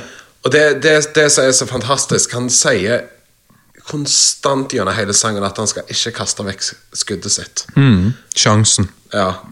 Men i slutten Det er jo akkurat det han gjør. Mm, mm. Han slipper det skuddet der. Det, da er det gjort. Fordi han, han ser enden. Ja. Og jeg, jeg syn, eh, Den måten av hvordan han klarer å bare dra Ikke bare melodisk sett gjennom hele musikalen og hele albumet, men det er det der at det, når du klarer å dra inn det lyriske òg På grunn av at det, det er så mange Altså, det er full av hiphop easter eggs, for å si det sånn. Ja. Det er full av Ja, referanser til Ja, ja, ja. The Ten Crack Commandments. Ja, ja, ja. The Ja, Ten. Dual Commandments. ja. And now you know, Mr. President. altså. det, det er litt sånn det, det er så mange komponister ute her nå i verden som gjør en fantastisk jobb. Og da tenker jeg med det der at eh, det der med å ha en sånn en undertone Og nå, nå skal jeg faktisk dra et eksempel ut fra Harry Potter. And uh, The Deathly Hallows, part to. Og det er det at uh, Du vet den der Hedwig-themen? Den uh, typiske du-du-du-du-du. Ja. Ja. Det er litt sånn Den melodien der den, I første filmen så er det en sånn good film-melodi. For det er litt sånn Du får det der håpet. Du får litt sånn Ja, sånn deilig følelse. Og spesielt når du har vært på den reisen gjennom hele livet ditt, og du ender opp med å se denne filmen her. Imot slutten, eh, rett før han går opp imot Voldemort, yeah. så er det et lite snutt inni der. Hvor det er litt sånn rett før han liksom skal bli drept av Voldemort. Da hører du den lille melodien der. Og det er bare sånn Det er egentlig bare sånn La oss si Inception, da, på grunn av at det skal liksom gi deg et lite sånn håp om at alt går bra. Og det klarer de å dra via musikk. Det gjør de gjennom hele denne musikalen her. Absolutt. Men det er òg lyrisk. Ja. Og det er ingenting som kan slå det. Nei, og det er ikke gjort for mye. Hadde det vært gjort for mye, så hadde det ikke gått igjen. Ja. Det gjøres helt perfekt. Det er jeg, jeg bare elsker det. da Hver gang når eh, Aaron Burr Ja. når, han, når han skal synge sangene sine, Ja. da får du alltid de andre dun, dun, dun. Og så, det, det som bare er så fantastisk, er det at med hver gang det skjer, så er det òg en liten twist. Sånn som når jeg skal introdusere um, uh, Thomas Jefferson. Ja, ja. Å, fy faen, den der What did I miss? ja. Og du bare hører den der eh, subtile, bare lille sånn piano-riffen på den sangen der. Åh, det er så fantastisk. Og det, du får en nydelig musikal hiphop-blanding, og det er Jeg syns jeg, jeg, jeg har hatt den musikalen der skremmende mange ganger på nede på studioet mitt. Ja. Jeg, når jeg sitter der nede og jeg jobber på noe, så har jeg den videoen Mm. konstant på. Og nå ligger jo han på Disney Pluss. Jeg må jo bare si Altså, jeg synes jo For det første, vi har bestilt pizza. Når den kommer, så skal vi spise det mens vi ser Hamilton på Disney Pluss. Ja. Eh, fram- Yes! Ja, for, du, for du, Christer, du må forstå. Ja, du, ja, ja, og, og det, det, det er derfor, uansett om det ender med at eh, når vi har spist opp, så er han akkurat ferdig med My Shot, så har du i hvert fall fått begynnelsen. Og det er Det, det må ses. Det er så inn i helvete bra. Og jeg er jo sånn Jeg nevnte i sted Eminem, Biggie, Kanye West, eh, Tupac selvfølgelig, sant? Eh, uansett hvor jeg sitter Linn Manuel Miranda, for meg er han på topp fem, men, men uansett hvor jeg sitter han, så sitter jeg albumet hans, Hamilton, det originale castet der, det albumet Hamilton, det er mitt absolutt nummer én favorittalbum of all time. Det er det beste musikkalbumet noensinne lagd etter min mening. Det er ingenting jeg kan, altså det er det, det er det beste. Jeg har ikke Jeg syns det er helt sykt. Ja, for det, det er litt sånn det, De personene som tar og spiller i den der Det er én person som traff meg mest gjennom hele musikalen. Det er David, han som spiller Ja. Lafayette Ja. og Jefferson. Ja. Og det, det er bare pga. at det er den karismaen han har på scenen. Det oser. Det, det er litt sånn Du ler deg i hæl hver gang han begynner. Og det er bare pga. at han har den der karismaen, så du bare Du kan ikke unngå å fange han. Nei, nei, nei. Det er Og så har du sånne som Aaron Burr som liksom Wait for it, så bare oh. Det er så, det er så nydelig. Ja, ja, ja. Ja. Ja, og, så, og så er du sånn som kongen, sant, som liksom Åh, ja, vet du hva? Det, det er faktisk noe av det beste de har gjort Mhm. i hele musikalen. Og det er det at ja, de latterliggjør den, eh, King George. Yeah. Uten tvil at de latterliggjør han. Mhm. Men fy faen, de komiske innslagene når han kommer inn der. Nå, det er vel under sangen uh, ehm, The Adams Administration Ja. i selve musikalen der.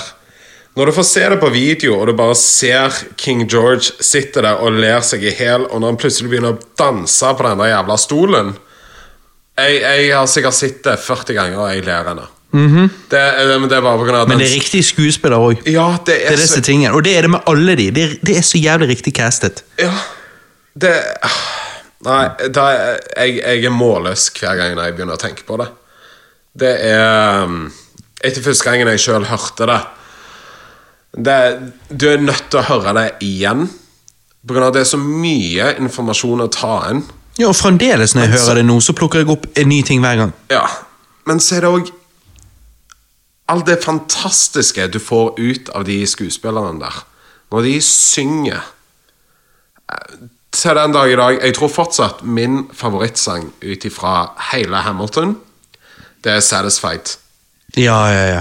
For det, det som kommer ut av den dama der, det er Mm. Ja, det er helt fantastisk. Du får gåsehud. Det Ja Ikke bare det at hun kan synge, men fy Mm. faen, hun kan rappe. det, det er litt sånn Alt Det er helt fantastisk. Ja. Ja, kanskje jeg skal gi det et lytt. Ja, kanskje. Ja, for jeg føler jo at Vi kunne jo ikke bygget noe opp mer enn det vi gjør, men det er fordi at det er det beste jeg har hørt. Hva var det Michelle Obama sa om det? Hun sa et eller annet med Hva var det hun sa? At det var Hun sa Hun, hun ja, ga jo det sø, sø, søkte opp, men jeg, jeg husker bare så jævla godt fra The Tony Awards det, det året der, når Hamilton var ute. Fordi han var jo og spilte første sangen på uh, The White House på sånn poesiaften. Og da står han der liksom ja. med han uh, Lacroix, han uh, musikaldirektøren, da. Og så skal han liksom forklare til presidenten Obama og Michelle bare sånn Jeg har et eh, konseptalbum om eh, en person som eh, han mener er liksom hjertet og sjel av hiphop. Alexander Hamilton. og det er litt sånn Du bare merker det med en gang Du, disse det er så ting nå, Karakteren ja, er jo Ja. hjerte og sjel av hiphop. Det er jo Ja. det som er så jævla bra. Og det, det som jeg syns er så jævla kult, er måten han bare klarer å fange publikum på. Bare det der at det bare Snap along if you like, og så bare plutselig yeah. har du hele salen bare yeah. Og så klarer de å fylle den der eh, Mm. Jeg fant quoten her. Michelle Obama sa om Hamilton når hun så det eh, off-Broadway. sant? Altså Dette var jo eh, It was simply, as I tell everybody, the best piece of art in any form that I have ever seen in my life. det, Får ikke bedre det. nei, det, Det- det, er jo sykt. Det er en Det er sånn jeg faktisk føler det òg. Så det er jo liksom Jesus. Det, det er en scene jeg elsker så jævlig godt i eh, Bare den videoen fra når han er der på Det hvite hus. Og det er det at eh, Obama han er så å si det eneste som ikke sitter der og knipser. Han sitter der bare med et glis. Og med en gang når han er ferdig med sangen, han er den første som reiser seg opp for å klappe. Ja, ja, ja. Og det er litt sånn det, Ja, håret reiser seg. og det er så Nei, det er helt eh, Det er helt fantastisk. Så, så Hamilton er Det er the shit. Og ja, så at Linn Manuel Miranda i dag og eh, for all tid kommer til å være en av de største inspirasjonene mine, det er Ja, det sier seg sjøl. Men hva er deres eh, største inspirasjoner i dag? Er det sånn all time eller i dag? Nei, Du kan blande, du kan blande litt. liksom. Du kan blande litt. Ja. Nei, men vet du hva? Det er litt sånn Det er jo ikke Jeg har ikke noe problem med å si det at eh, Linn Manuel Miranda er en fantastisk inspirasjon. Og det er litt sånn når jeg tenker bare på det med tegning og kunst i seg sjøl, gatekunsten som jeg driver på med Om det, om det ikke er en fine art-kunstner eller hva enn det jeg, jeg bare setter så stor respekt i folk som bare virkelig brenner for det de gjør.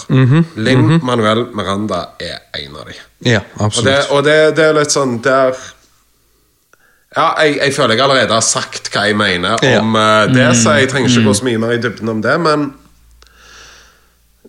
en annen person som inspirerer meg veldig mye, det er faktisk uh, en forfatter som heter Paulo Coelho. Spansk forfatter. Han har skrevet eh, den boken som jeg setter høyest verdt av absolutt alt. Og Det er en bok som heter 'Alkymisten'. Ja, Den har jeg hørt om. Ja, jeg Og det, det, det som er så fantastisk, er at den boken der Han skrev den på to uker. Og det er den bestselgende boken han har. Og det er i alle intervjuene når han ble spurt og bare sånn Ja, hvorfor gikk det så fort for deg å skrive den her? Og det, Han sa det så perfekt, og han sa det at eh, den boka der var allerede skrevet i sjelen min. Uh, Og det, det, det, det, det er sånn typisk Shit. sånn deep Ja. shit forfattergreier. Ja, ja.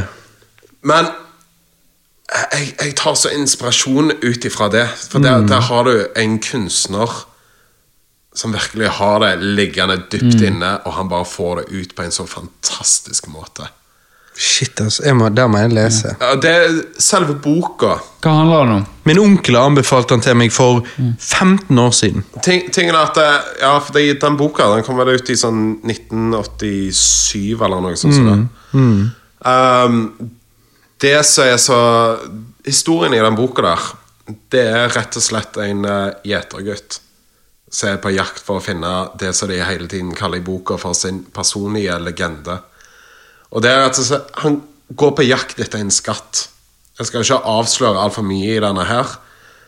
Men eh, det handler rett og slett om å skape sin egen historie. Skape en legende rundt seg sjøl.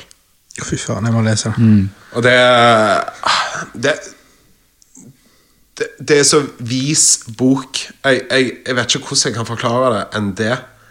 På grunn av at uh, det er religion innblanda. Det er politikk innblanda òg, på et eller annet vis. Uansett hva måte du leser inn i den boka der, så er det bare helt fantastisk. Jeg har eh, Det eneste som er så kjipt når jeg sitter og jobber, eller uansett hva jeg jobber med, så har jeg ikke hatt tid til å sitte og lese ei bok. Og lydbok. Jeg har lydbok på Audible, vet du, og det er Mr. Jeremy Irons som leser den. Det er Audible. Og det er så oh, oi, oi. perfekt stemme til den boka der. Han er, har, både han og Ian McKellen har eh, fortellerstemmer som er utenom Ja, Utenom det vanlige. ja utenom det Det, vanlige. er- det er helt fantastisk. Så den boka der den har jeg hørt gjennom litt for mange ganger, men eh, det er verdt det hver gang. Og det er så nydelig historie at uh... Du, men altså, du har solgt meg, for du snakker om det som når jeg snakker om Hamilton, så i morgen så Ja, da vet jeg hva jeg skal ha på øret. Skal gå meg en tur og så eh, høre på den det, lydboken det, hans. det er det som er det beste av alt òg. Boka han varer Du leser den ut på to-tre timer. Det Oh, shit. Ok, da er det Ja, konge. Nei, men Det det er piece of cake. ja, Men så er det det da, når du hører på Jeremy Irons snakke Han har, Boka er vel på litt over fire timer når han snakker, men det er så easy. ja, det er digg. Det Det fire timer, det er jo en det- halv, det- det en halv jobb, da. Ja. Det er jo en Rewind Bros, eh, Radio Rewind-podkast, det. Ja, jeg, Det er jeg, under det. Så istedenfor å høre på oss, da, så kan du bare hoppe videre. det, det er litt sånn Som oftest på Audible, hvis du har en veldig lang bok, Ja. og du har liksom bare lyst til å gå igjennom, så går det an å ta opp speeden. Mm. Med denne boken her, så har du nesten bare lyst til å ta den ned. Oh, ja. Bare, bare for å nyte det ekstra. Shit. Ja. Jeremy Irons har en eh, si min, altså Det beste fortellerstemmen som jeg syns, er jo Jim McKellen. Da, altså for Ringenes herre, men Jeremy Irons, Ja, men det er fordi han Irons får Ian McKellen han får vokaler ut av ingenting. det, Han er sinnssyk. Han er et sinnssyk når han snakker i Ringenes herre, uansett hva han sier. Hvis han skal si «Øh, 'skal du ha et eple', det er liksom oh, oh, Han er ikke- bare så jævlig god. Men, men, kan Men vet du, hvem som vet du hvem som også tydeligvis er god? Jeg bare hører nå når vi snakker om inspirasjonen vår, så hører jeg at vi egentlig ender opp med å bli så, såpass gode selgere. At du kunne sikkert sendt dette til markedsføringsfirma, så kunne vi blitt ansatt for å drive og markedsføre shit. For måten vi snakker om det, er jo liksom sånn Altså, jeg blir jo solgt sjøl av våre egne salgstriks her. Det er jo liksom Nei, det er, hvis det er noe jeg kan anbefale å ha i livet sitt, Mm. og ha lest igjennom, så er det den boka der. ja, Nei, men det skjer i morgen. For, for hver sjel som ønsker å oppnå noe stort, Mm. eller trenger motivasjonen til å fullføre det de har starta Mm. på, det er boka. Du, du da meg og deg, Christer, gjennom den boken her, rett i studio, Det- det bare sånn- slippe det sammen. Drit i sånn self-help-bok. Ja, ja, ja. Det er litt sånn, Dette her, det er boka du er nødt til å lese. Å, satan. satan. ja, ja, greit. greit. Christer, hva, hva inspirasjoner har du, da? Han har vel siste. Du har en til? Å ja, ja, jeg har jo en siste. Ja, men vi trenger det. Du, Ja. du selger det så bra at jeg er klar for mer. Jeg må, jeg, jeg, jeg er den siste Å, forfatter. å, Jeg er den siste å, herregud, ja, hvem skal jeg ta nå? For nå, nå føler jeg at jeg er nødt til å ta en kunstner. Ja, ja. Nå, nå Ja. føler jeg at jeg må ta en kunstner. Um, nei, det, det er litt sånn Opp gjennom tiden så har det jo vært det typiske alle, alle kan. Det er sånn Leonardo da Vinci. Ja, ja, ja, det, det er jo det som var starten på det. Det er litt sånn, det var det du ble lært når du var liten, hvem de var, og så var det gøy å se på det. Og no. Men på det punktet som jeg er på nå, så er det faktisk en eh, gatekunstner som kaller seg for Kipto. Ja, ikke hørt om. Han er Han er både kjent og ukjent, men det han lager Det som jeg syns er inspirerende, det er at han er full freehand. Oh. Og det, det setter jeg respekt i. Og det er på grunn av at eh, hvis du sitter på et ark og du sitter og tegner, og det er freehand, det gjør ingenting. Det er litt sånn, det er basic 101 når du begynner med tegning og kunst. Men på en så stor skala Ja. som han jobber på På gatekunst. ja. På de veggene som han tar og jobber på Det er helt fantastisk å se på. Han kan jobbe i høyden, og han eneste han trenger med seg, det er malerkost. Og han er rett på sak. Ja, rått. Det er helt rått. Det er ja, ja. Det Han er, er, han, er han norsk? Nei, han er amerikansk. Er amerikansk. Ja. Det, det er litt sånn Og fargebruket, komposisjonen, alt han klarer å få til. Det, jeg syns det var helt fantastisk, for Det å ha et blankt ark foran deg, det er skremmende nok for mange. Men det å ha en hel vegg foran deg det er en utfordring. Og hver gang når jeg ser på videoer av Ja. han, og alt når han begynner Det, det, det bare ser så naturlig ut for han. Ja, du, ja, bare, det, han, har, han har så vidt referansebildet med seg. Han bare begynner med å bare tegne opp. Han har ikke grid eller noe. Og da Jeg, jeg blir bare imponert, og da får jeg et sånt ønske om at eh, Eller jeg vil ikke si ønske, men en motivasjon til at eh, det skal jeg oppnå. Der skal jeg bli. Ja, du, finner, ja, ja, du finner noe du har lyst til å nå. Ja, ja. For det, det. Ja, men det er jo, det er jo altså, det det er sinnssykt. Det er um, Å se på gatekunst som er såpass svær at liksom det du sier, på en måte, det å tegne på et ark, er jo på en måte noe du kan se. Altså Du slipper på en måte dette her eh, eh, Altså dette sidesynet, på en måte. Altså Du, du ser hele arket, på en måte. da Men når du står oppe og ser på en vegg og må liksom, som du sier, bruke lift og sånne ting altså I helsike skal du få skalaen der til, det- det- til å scale utrolig bra, liksom. det, det er en skremmende følelse, for når du først står langt vekke fra veggen nå, nå har jo jeg lagt på en ganske stor vegg tidligere, og det er 16 ganger 10 meter. Og den veggen der, når jeg først så den for første gangen, da er det sånn Ja, det er jo kult. Det er jo, Ja. bare, det er jo bare en stor vegg. Ja. Men med en gang når du tar og setter deg oppi den liften der, så går maks ti meter opp. Og du står på toppen der, og du holder på med litt detaljarbeid, og så velger du å se ned. Da skjønner du hvor høyt ti meter er. Ja, ja, ja. Og når du går vekk fra veggen og ser det fulle bildet, da blir du litt sånn småstressa. Ja, ja. Da, da har du liksom hele du, må Du bare tenke deg at du, ja. skal fylle ut dette. Og da er det ikke bare med malerkost. Du skal lage et kunstverk på den Mm. veggen der. Da setter jeg nerver i spill òg. Ja, ja, ja, ja, men det, det ser jeg for meg. Å, fy faen. Altså, det der er som å uh, oh. Du blottlegger deg. ja.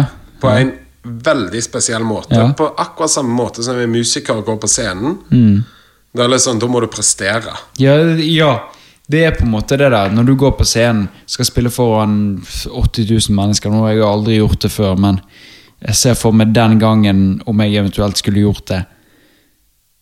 Å, fy faen. Jeg tror Men tenk, tenk deg å ha et sånn et hopp. Og nå tenker jeg fra det der at eh, Tenk hvis du spiller eh, på en pub. Du spiller på en uteplass. Det er 80 personer som ser deg. Men plutselig så får du sjansen, og det er bare sånn Det bare kicker, du, og du, så Det er ikke sånn at du går fra 80 til gjerne 100 eller 200 eller 800 for den saks skyld. Tenk om du plutselig hadde endt opp med å spille for 8000. Mm. Eller fuck it, 80 000. Mm. Hva hadde du gjort?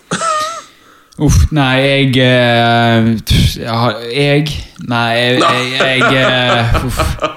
Nei, jeg hadde Jeg tror jeg nesten Jeg tror jeg nesten hadde gjort det såpass at jeg hadde prøvd å, å Jeg tror jeg nesten hadde prøvd å simplify hele musikken såpass mye at jeg kunne liksom slappe mer av. da At jeg ikke hadde trengt å ta de, de, de syke em, syke, holdt på å si, kompliserte melodiene og liksom gjort altså gjort hele på en måte eh, konserten så avansert. da Altså Jeg tror det på en måte prøvde å gjort det for, forenklet, for i hvert fall for min del.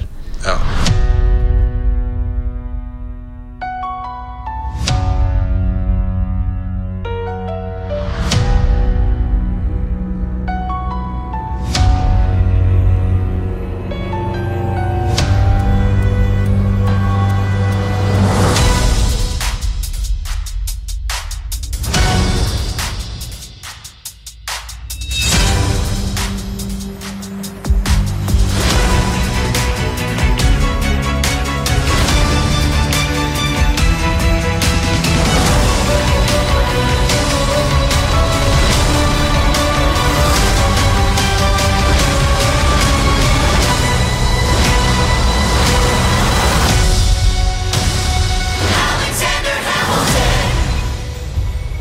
Nå har vi hatt en liten pizzapause her, gutter.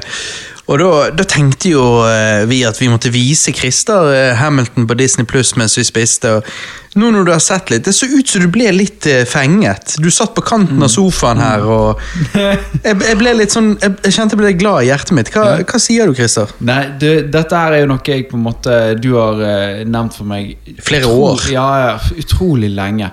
At jeg måtte sjekke ut. Og jeg har alltid sagt ja, jeg skal sjekke det ut. skal sjekke det ut og sjekke det ut Ehm, Og sannheten er jo egentlig det at på en måte jeg aldri har Jeg vet ikke. Det har aldri, det har aldri grepet meg skikkelig. da Jeg har på en måte hatt andre ting å sjekke ut mye før. da Så det har havnet alltid bakerst i rekken. på en måte Det er jo typisk det er når folk sier man skal sjekke ut noe. ja, det er jo alltid det. Ehm, men nå, eh, på siden når dere snakker om det, og jeg eh, ser det nå, så jeg ser jo det at jeg må Jeg må virkelig sitte meg ned og se på dette, ikke bare én gang, men eh, flere ganger. For at, Ja, jeg sa det, jeg måtte høre gjennom det tre ganger for å virkelig graspe hele greien. Ja da, det er jo Jeg har vært på musikaler en gang før. Jeg har sett flere ganger, faktisk. Men én spesiell gang. Da, da var vi så Le Miserable øhm, i Oslo. Og det er Musikal er ofte litt vanskelig å følge med på. For dette går øh, raskt. Ja. Og du, du Og her er det mange ord i minuttet, for Og det her sånn. er det i hvert fall mange ord i Det, minuttet. det, det er jo flere år med historie som er komprimert ned til Sant. to og en halv time. Og det er jo sånn ordmessig så er det 22 000-23 000 ord. Ja. Mm, mm, ja, stemmer. Du, Det- dere tok det på forrige cast. Ja. Ja. Vi, vi diskuterte det veldig kjapt der, eller var bare et kjapt ord. Ja. Lafayette, han eh, David så spiller han I eh, ene sangen så Det er 19 ord på tre sekunder. Ja. Det er jo helt sykt. ja. Da skjønner du. Ja. Nei, det, det er absolutt noe jeg må, jeg må eh, Og det var jævla gøy å se han på eh, holdt på å si Broadway. For nå eh, angrer på at vi ikke så han på eh, Når du var i London. var i London. Mm -hmm. Men, eh, vi, måtte jo, ja, vi måtte jo stå litt i kø, da, og det er jo ikke sikkert vi hadde fått billett. Men eh, Men førsteinntrykket ditt så langt ja, det er rått. Mm. Altså, vi, vi tenker å ta en tur til London til. Så hvis uh, Ja, Du må jo hooke opp med kompisen din.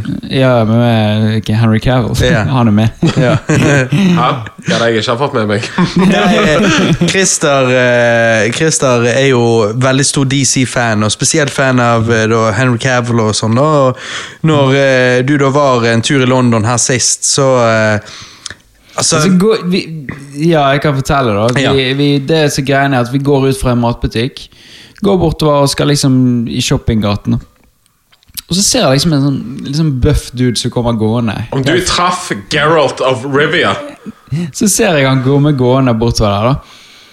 Og så er det liksom Det, det er noe med han, da. Det er bare liksom Jeg vet ikke, det er noe, det er noe bekjent med han. liksom Det er bare så, så kommer han gående mot oss lenger og lenger og lengre. Og så idet han går forbi, så ser jeg det at liksom Dette er jo eh, Det er Supermann. det er Supermann. og jeg liksom Jeg snur meg på en måte etterpå bare måtte se på ryggen hans og liksom Hva i helvete? Og sa det For Celine satt jo og preiket og samboeren min. Og så eh, sier hun til Så du hvem det var? Bare, ja, nei, jeg så ikke hvem det var. Det er jo Supermann. Du er Henry Cavill, liksom. Og så etter i det øyeblikket der, så var jeg litt sånn i tvil. Så bare, ja, Er det bare jeg som har sett feil, og sånn og sånn? Og så tenkte jeg det liksom Jeg må jo jeg må søke opp hvor bor han Hvor, hvor er han fra, liksom sånn og sånn. Og det viste seg at han bodde i samme gate som vi gikk i. så da det, var, det så var da var det liksom, da var det ingen tvil for meg at liksom da f- Hvis faen var det han, liksom. Og så så jeg på Snapchaten Han hadde jo treningsklær på seg. Så på, eh, nei, på Instagrammen hans at han hadde vært på trening liksom for tre timer siden. Da. Så det, det var jo han, da. Mhm. Det mest spennende som har skjedd meg, det er at jeg nesten holdt på å krasje med sykkel med Davy Vatne. Jeg så David Vatne her for noen uker siden. Jeg kjørte ned, så kom han sykle opp her. Ja, Ja. Han er, han er på den elsykkelen sin. Jeg fikk, eh, jeg fikk eh, nesten juling av han da jeg var liten. Ah. Ja, han var nabo med mine fettere, og vi hadde vært på besøk der. Og så har han en datter, da. Ehm, og vi hadde liksom, Du vet sånn når gutter syns en jente er fin, så, så ender de egentlig opp på henne istedenfor. Eh, Så vi hadde jo ertet datteren hans, så da kom jo han ut og 'fy faen, skal knakke dere', og vi bare Aah! løper. Nei, jeg har bare lyst til å Jeg har bare lyst til å sitte sånn. Slutter Slutt, da. Det blir vannet. Slutt, da. Nei da, så det, da, da fikk vi eh, jævlig kjeft av eh, David med. ja. Nei, så Henry Cavill spurte jo da om jeg hadde lyst til å være med i neste, neste sesong av uh, The Witcher. ja, ja, ja, sant. Jeg og han er deuce. ja, ja. Nei, du, jeg, må, jeg må sjekke ut uh, Hamilton. Jeg må gjøre det. Og vi har jo Men skjønner du hva jeg sier med dette med at eh, Sånn som du, du sa off mic her nå eh, i sted, at eh, at du hører at det er han som har lagd altså Likevel det er andre artister som er- synger og rapper, så hører du at det er Linn Manuel som Ja, ja, overall har skrevet greier. Og det gjør at det hele blir en veldig consistent greie. Ja, det er det. Du hører at uh, rappstil er det samme overalt.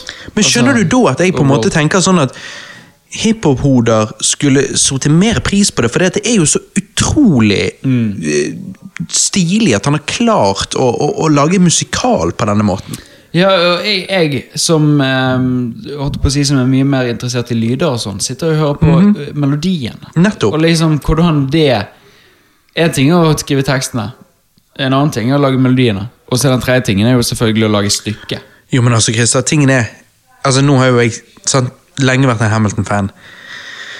Når du hadde sett igjennom eller hørt igjennom dette her, så er det så mange explained-videoer, håper jeg å si. Ikke, de er ikke explained-videoer, men det er videoer som dykker inn i eh, spesifikke aspekter ved musikalen jeg hadde hatt lyst til å sende deg, for det er liksom sånn Der går de så i dybden på liksom at her gjør Linn Manuel Miranda han har, han har valgt denne tonen og denne tonen, og så drar han ut den, og så å, forventer du den, men så kommer ikke han, og det er fordi at eh, hvis du hører på lyricsen, så sier altså det, er liksom, det, er så, det er så mye levels her.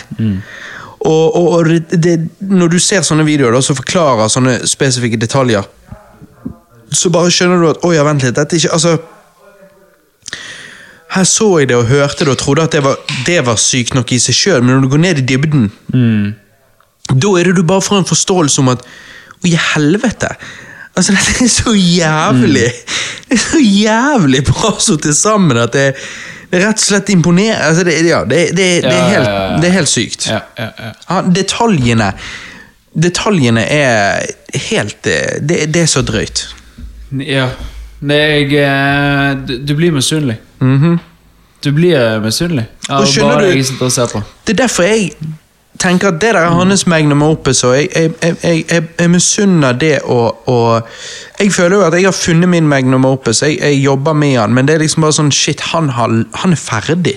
Og det er sånn, Men det inspirerer meg så mye, for jeg bare tenker shit, det, ok, derfor må jeg fullføre min magnum opus. For det at når du ser hans fullført, så, så blir du så utrolig inspirert. For det er så, du, du forstår at det er så sykt mye arbeid bak det der. Og, og det er inspirerende i seg sjøl. Men det jeg tenker Jeg antar at det er noe Hamilton vi Ja. innpå. Mm. på. Det jeg tenker Dette her er hans magnum opus. Absolutt. Men kan det være at det kommer inn andre? Det er det jeg håper på. Det, ti- tingen er at det, det, det er litt sånn som jeg prøvde å Når vi snakka litt i pausen tidligere, Ja. det er det der at eh, Hva skjer hvis en kreativ person slutter å være kreativ? Nei, det går ikke. Exactly. Og det er litt sånn nå, Det er litt sånn Ja, ok, hvis han hadde hengt opp denne plata her på veggen, hadde han vært ferdig? Nei. Nei. Nei, men han, kanskje han har hoppet videre på et annet prosjekt. Altså, Det er ikke det du må. Broadway, Så, så, men jeg tror du må tenke at du skal lage ditt magnum opus for å henge det på veggen og liksom si deg ferdig. Og så Fordi at det er lov, igjen. for det er lov, og det er lov å feire. Og det er lov å si deg ferdig. Det er lov å si, å feire og bare si 'det jeg gjorde der', wow. Liksom sjøl. Altså, jeg håper at Linn Manuel Miranda ikke er så fake ydmyk, og da mener jeg liksom at han òg må jo være klar over at det han har gjort her, er fantastisk. Det håper jeg. Og at han da henger den på veggen og bare sånn I'm done. Men så må det gå et år der du får lov å bare Du får bare ta en pause. Det er lov med ferie. Alle yrker må ha en ferie. Men ja, som en kreativ person så kan ikke du gi deg. Så du må plukke opp pennen igjen, og så må du begynne på nytt. Og det vil jeg tro han gjør, og det anbefaler jeg alle å gjøre. Fokuser på å prøve å lage ditt mesterverk. Men så må du lage et til. Og meg og min bror har jo diskutert mange mange timer hva kunne vært det neste.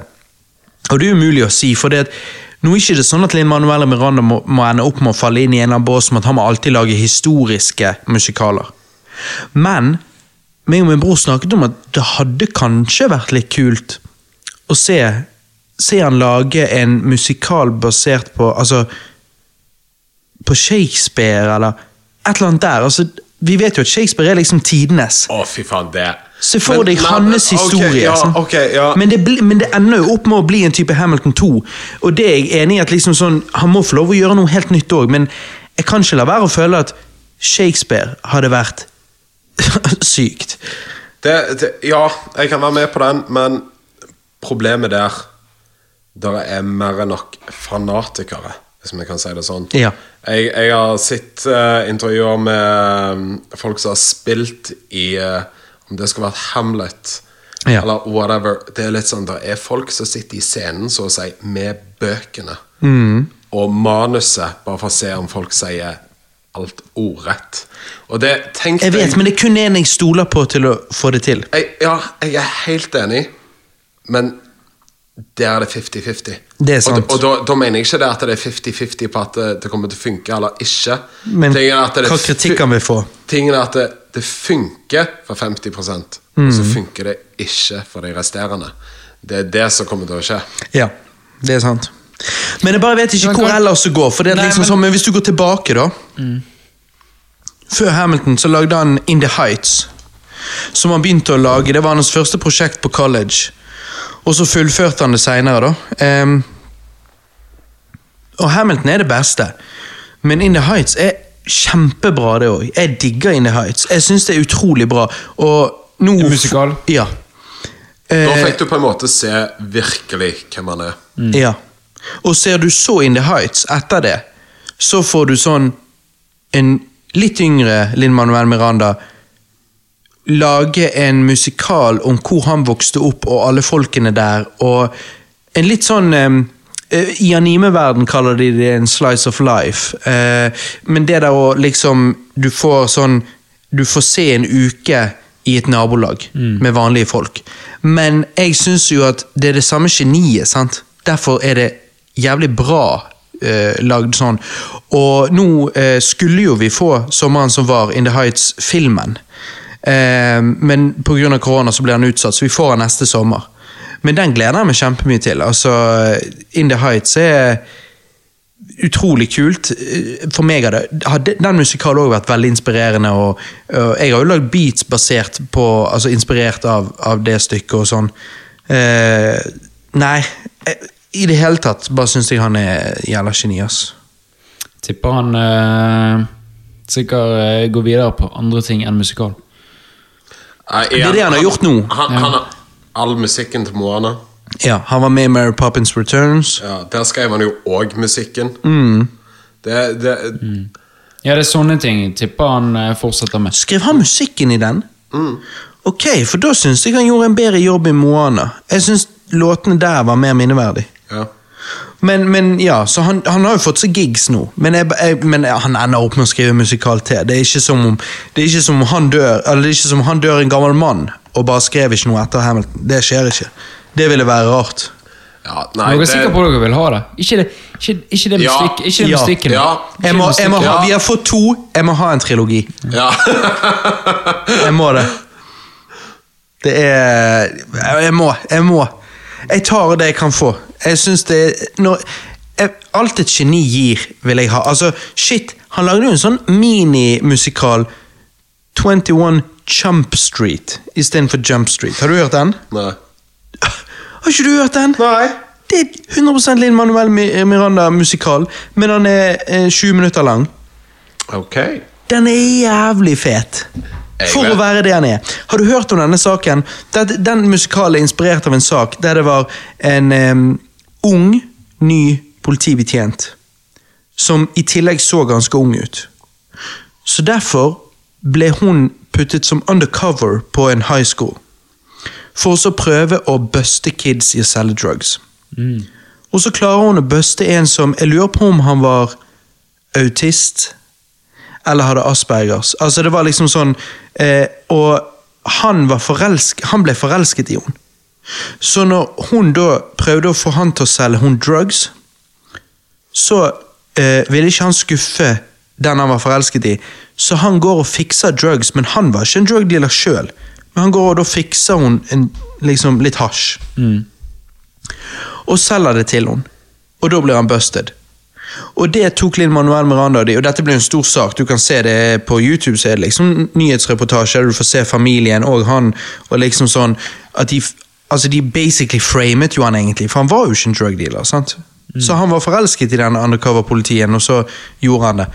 Og det skrev de en eh, musikal om, og den er dritfengende. Det er typisk Linn Manuel Miranda. Det er dødsfengende, det er jævlig kult fortalt, og eh, spesielt liker eh, den delen eh, Du kan si det sånn Dette viser jo at jeg begynte med Spotify litt seint, at den musikalen har jeg på på iTunes. Den finnes på Spotify. Det er det jeg skal sjekke nå. Uh, 21 Chump Street. Ja, han kom på Spotify nå nylig. Uh, men det er liksom Det som er så kult med han, er jo at um, Altså, det, det er gode låter og alt sånt som det der, uh, men jeg bare syns at det, det er et eller annet med Det er jo han samme som spiller i Hamilton. Han ehm, ehm, som spiller sønnen hans seinere i musikalen. Ja. Han spiller jo hovedrollen her, da. Og Oi, knitrer det litt i systemet. Eh, og han eh. Du hører det, Linn. Ja, ja, ja, du hører det med en gang. Men sant? Så bare. Det er han. ja det hørte du. Og så er det da at hun kommer inn i klassen der og sånn. Og så er hun liksom en litt sånn Hun er litt sånn hot, sant? Dominican Republic eller liksom Pod, Nei, hun Puerto Rican, et eller annet sånt. Eh, Men måten han Det er bare sånn i, I et album så er det av og til bare noen linjer så bare sånn oh, De var jævla bra, sånn, eller det bare var jævla fengende. Og måten han synger dette på, syns jeg er så fengende.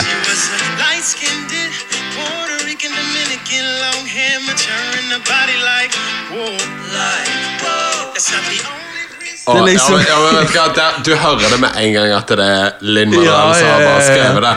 Fordi det er den der flowen som han Mhm. har. Det er ingenting som kan slå an på det. Men jeg bare digger liksom måten han sier Han beskriver jo hun politibetjenten, undercover-politibetjenten som han blir forelsket i.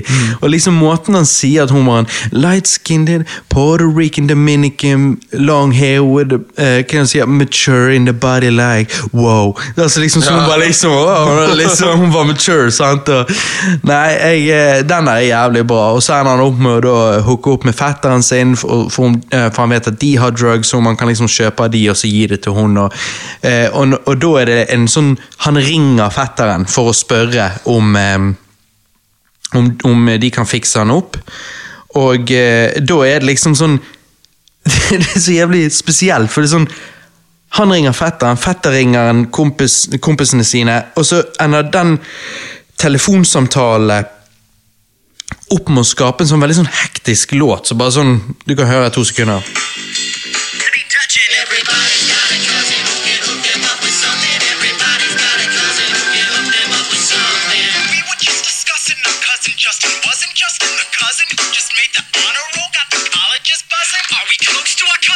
Justin? Are we supposed to trust him? Are we thugs to our cousin Justin? We don't sell drugs, man. Se liksom så alle eh, ringer ja, det, det, det minner meg sånn om uh, Ja, altså begynnelsen av uh, Hamilton. Bare sangen. Ja. Og det, det er liksom Når han med en gang begynner å rime alt det Hamilton var Ja, ja, Ja, ja. Det, det er litt sånn Det Det er nesten så de snakker over hverandre, på en måte. ja, og- det, ja. det, det er liksom når han rimer over seg sjøl konstant. det, jeg syns det er så fantastisk. Mhm. Det, det er sånn Hvor får han alle ordene fra?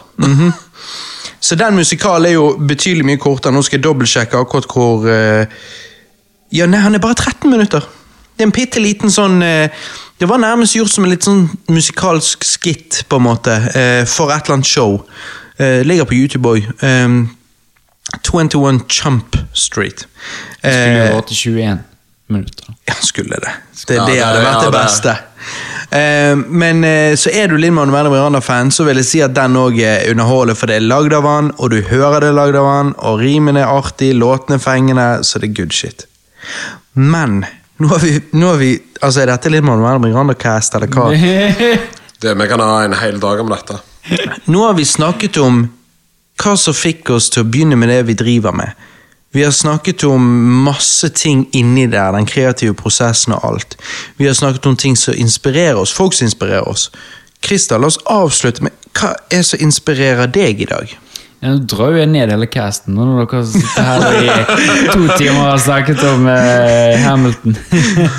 Nei, nei, nei, men jeg, jeg, er- jeg er nysgjerrig. Jeg gleder meg til å høre. Ja, det, det som startet hele kickstartet for meg, var jo eh, mitt store idol, da. Eh, Gitaridol Slash. Han har jo du møtt. Nei, Slash har jeg ikke møtt. Jeg har sett han live. Og du møtte ikke han, men du møtte Jeg møtte bassisten i ACDC, eh, Cliff Williams. Eh, Han møtte vi faktisk på eh, Vi var på konsert på eh, ACDC. eh, Og far hadde liksom Ja, nå skal vi sørge for at vi klarer å få møte disse. Så han hadde liksom booket da hotell på Grand Hotel. da For det er jo der alle holdt på å si, stor, Mesteparten av de bor, da. Men jeg har lov å si at jeg hater deg litt, Akone. Andrew Cavill og eh. Nei, så, så vi, vi gikk jo bare etter eh, konserten Så gikk vi bare egentlig bare i baren og, og tok en øl. Og yeah. når jeg snur meg, da, så sitter eh, bassisten der, da. Cliff Williams. Så da um, hadde jeg faktisk da med meg gitaren hele veien fra Bergen. For i håp om at jeg skulle få møte noen av dem.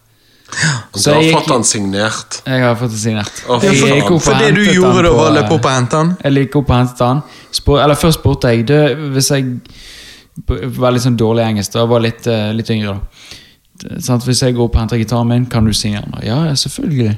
Så kommer han ned, så snakket vi litt, og så signerte han gitaren, og så var det good shit. Fy faen, det er sykt. Det er sykt. Så det er ganske nice. Den har jeg hjemme ennå. Det er helt sykt. Bare litt misunnelig.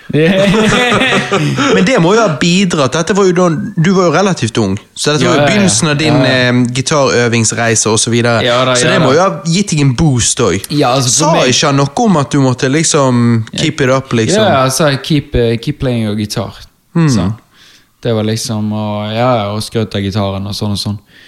Så ja, han var, altså, han var kjempe altså, Altså, jeg bare jeg, eh, sant, For en dude som sitter jo der og drikker øl med, med liksom crewet sitt, så var jo han Altså, han gjorde jo dagen min, holdt jeg på å si. Altså, han gjorde jo barndommen min, for å si det sånn. Og er det jeg må sitte litt i perspektiv for meg som liker hiphop. Det er jo liksom sånn Hvis en av mine eh, topp 30 rappere hadde signert noe for meg Mm. for å så fortalt meg at jeg måtte fortsette å øve på rapping, så hadde jo det bare vært sånn Ok, Du hadde gitt deg. nå er ikke jeg lov å gi meg. Nei, nå, liksom, nå må jeg. Ja, Tenk om du hadde hatt Biggie. ja. Fy faen. Fy faen. Tenk, tenk om han hadde bare signert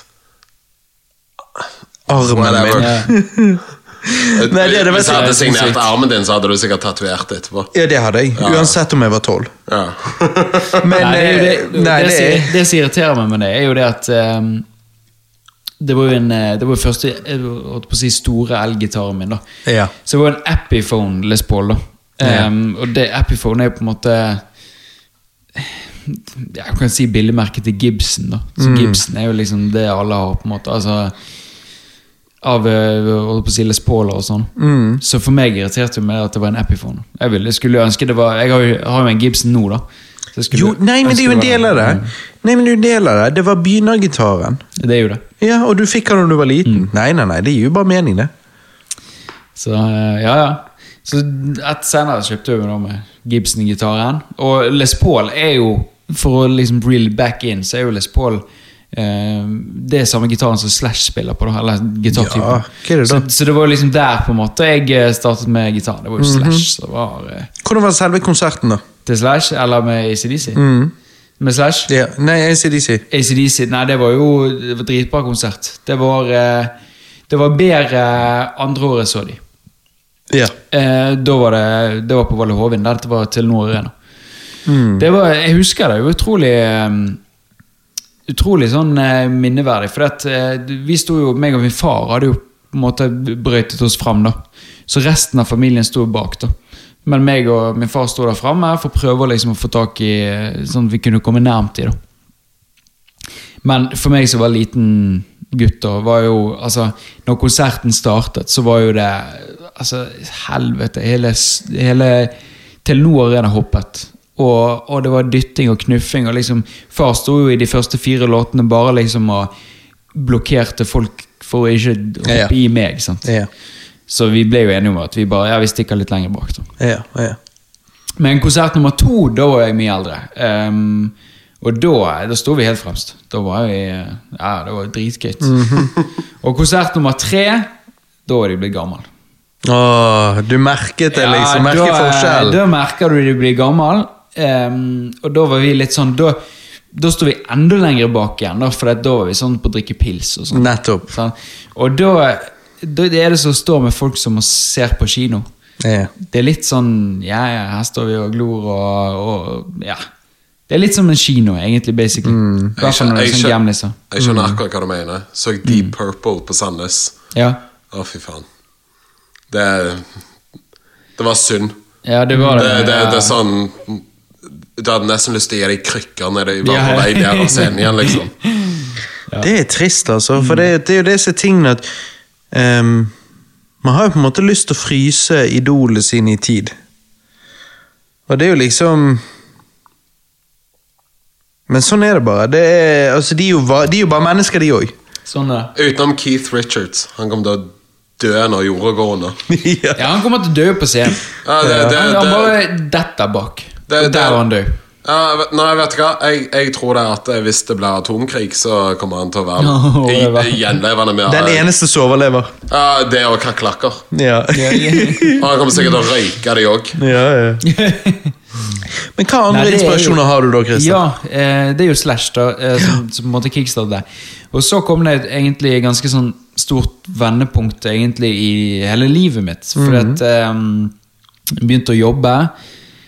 Eh, det var mye som skjedde i eh, du, vet når du begynner å jobbe, eh, og, og plutselig ser voksenverden Ja, ja. Eh, og voksenverden var ikke sånn du trodde når du var liten. Voksne hadde ikke alltid svarene. De voksne Nei, visste nei. ikke alt. Og, og du kommer der og liksom, du ser at de har de samme problemene som du hadde, selv om du var kid. liksom. De bare litt flinkere å deale med de, kanskje. That's ja, it. det var, og det var jeg husker jeg ganske sånn stort, veldig stort nedsig, og, og, og slet litt psykisk på meg, på en måte, den grunnen der. da. Um, og da, i den perioden, så begynte jeg å høre på et band som het Mew. Et dansk band. Mm. Ja, de Um, har du snakket med meg om før. Ja. Eh, de er jo på en måte Hva skjer med å se dem? Hvem var jeg med å se? Du var med som Jeg var med å se ja, ja, Ja, ja. ja, dere begge to var med. Ja, ja, Koko. Meg og Alex. ja. Eh, og de er jo eh, Ja, de er mitt største, største band, eller artist, da, eh, sammenlignet med kanskje Justice. Det er liksom de Mm. to. Eh, og Mew er Jeg har sett dem fire ganger, kanskje. Fire-fem ganger. Ja. Nei, de er de, Det var så stort vendepunkt akkurat der. Det, Mm. det var eh, jeg, på en måte, det, det skiftet så utrolig i musikken, det skiftet i psyken, det skiftet liksom hele livet mitt. da. Du endret deg litt i altså, inter, Ja. altså, Musikkinteressen din var lik, men eh, smaken eller hva du ble tiltrukket til der og da, Mm. endret seg litt. Ja, ja på en måte. Og det Altså, det bandet der, herregud, det er um, jeg kan, jeg kan sette på hvert album og så kan jeg bare liksom tenke Fy faen, det er hitlåter alle sammen. Det er gode låter jeg eh, hører på. Det er liksom det det dype låter. Tekstene er jo på en måte nesten kryssord. Du må liksom løse de på en måte Det er jo litt altså, sånn som Noel-hjernen din liker. det, det er sant, sant. Det er, de er utrolig Nei, vet du hva. De er Nei, det, de er rå, ass. Så de på oransje scene helt, helt siste konserten. På Oransje scene på Roskilde. Ja. Ja, det var insane. Det var, Nei, så de har eh, på en si Altså, han eh, Gitaristen i Mew, da. Eh, Bo Madsen heter han. Eh, Han er, tror jeg, en av mine favorittgitarister of all time. Altså, Shit. Fordi at han har en så utrolig spesiell spillestil som okay. er bare helt unik. På hvilke måter da? Han er um, utrolig rare takter. Utrolig Mm. rare sånn Han plukker gitaren på en utrolig eh, rar måte, så det høres ut som sigøynermusikk, nesten. Altså, Ja, en, en veldig, ja, Han plukker gitaren på en veldig personlig Ja, måte. utrolig. Det er hans stil. Yes, du, du hører det med en gang, det er hans stil. Jeg skjønner. På siste albumet så er han skippet ut av bandet. Og på siste album så er ikke han med. Mm. hører, det hører du. Utrolig godt. Og siste eh, inspirasjonen min, det er um, Jeg vil si det er en kombinasjon av Justice, den eh, elektroniske trioen, nei, eh, duoen fra Frankrike, og eh, Madeon, som også er en fransk artist. Fordi at øh, Altså, Madeon Justice er jo det der eh, som jeg snakket om i tidligere. Sant? Analog innenfor musikken som jeg bare digger. Det der liksom De grove syntene. Det er liksom Det er utrolig Og de er veldig sånn mediesky. Det har ikke noe med det å gjøre. De bare slipper ut album liksom, og, og pumper det ut. på en måte Og det er liksom jeg Musikken digger snakker for seg. Yes, jeg digger det, i hvert fall når jeg er fan. Sånn, Så Ja, digger ja. jeg at de bare kommer med musikken. Driter i alt annet. Sant? Madeon Sitter ikke på talkshow med en eller annen eh, Nei, sant. oppdiktet uh, historie, fyllehistorie. Sant. Ja. Og Det er akkurat det samme med Daft Punk sant? De er jo så mediesky at du, du, jo, du, får, du får jo ingenting ut av dem. Jeg Jeg det jo, liker egentlig det. Faktisk, det er jo faktisk så mye spekulasjoner i Daft Punk at liksom Når de spilte på Grammy, når de kom med den Get Lucky sant? Ja. Når de spilte på Grammy, så er det spekulasjoner om at det ikke var de som sto der. Ja, ja, ja, Sånn, jeg for de vet. har maskene. Sånn. Så Ja. det, det er jo ja, Det er sinnssykt når de begynner Ja, det er det deilige å være anonym. Ja, ja, ja, Ja. sant. Nei, men jeg, liker Ja, jeg, liker den ideen. Det er liksom ja, en greie. Ja, musikken snakker for seg selv. Men så har du liksom Madeon, da, som på en måte jeg føler er litt sånn sidestilt der. For det var, det var egentlig litt av det, det, var da jeg holdt på å si, hoppet over fra rock og gitar og bandgreiene inn til elektronisk musikk. For han er nå sånn fransk eh, disko-pop, eh, elektronika Mm. Han var 16 år når han først slo an, liksom. da og Det er det er helt sinnssykt. Og når liksom store artister sånn som Pendulum sin uh, vokalist da, Det er et sånt drum and bass-band. Eh, Rob Swire. Oh, ja, ja, han, han, sa jo til, han sa jo det at Madeon sin Den låten der var helt insane, på en måte, den han slapp ut der. Og, og Deadmo sa jo faktisk, eh, når han var 16 år, eh, hyllet han. Mm. Så han er en stor fyr. Og nå, eh, nå for en uke siden så så jeg at Madeon Det er helt sykt. Jeg, han, har, han har en EP på YouTube som bare heter eh, Celine, da. Celine. oh, ja, ja, det passer Faktisk, samboeren din. ja. Ehm, og han eh, Og så leser jeg kommentarene. Fan, så bare tenkte jeg, nei, jeg har ikke hørt noe fra Madeon i det siste. Jeg, jeg vet ikke hva dette er for noe. Leser jeg i kommentarene der, og der er det en griselang kommentar. Ja, du sendte det til meg. Jeg sendte det. en griselang kommentar. Nå må du høre. eh, det- Nå må du høre. Det- Denne her er en lang kommentar med folk som har klart å knekt en kode. eh, En, en, liksom en puzzle på internett. Dette er jo, dette er jo right down your alley, Christer. Om det er Dette er jo, eh, når du sendte til meg, så bare tenkte jeg Selvfølgelig! Nå har jo de jerket deg så jævlig. Dette er jo, dette er jo ment til deg. om det. Og, og det sykeste av alt er eh, I 2017 Ja. så fyrte Madeon ut en EP på en skjult nettadresse med et skjult passord som ingen visste om. Nå i siste låten han slapp ut nå, så har han eh, Eller i, tidligere i en episode han har hatt en podkast.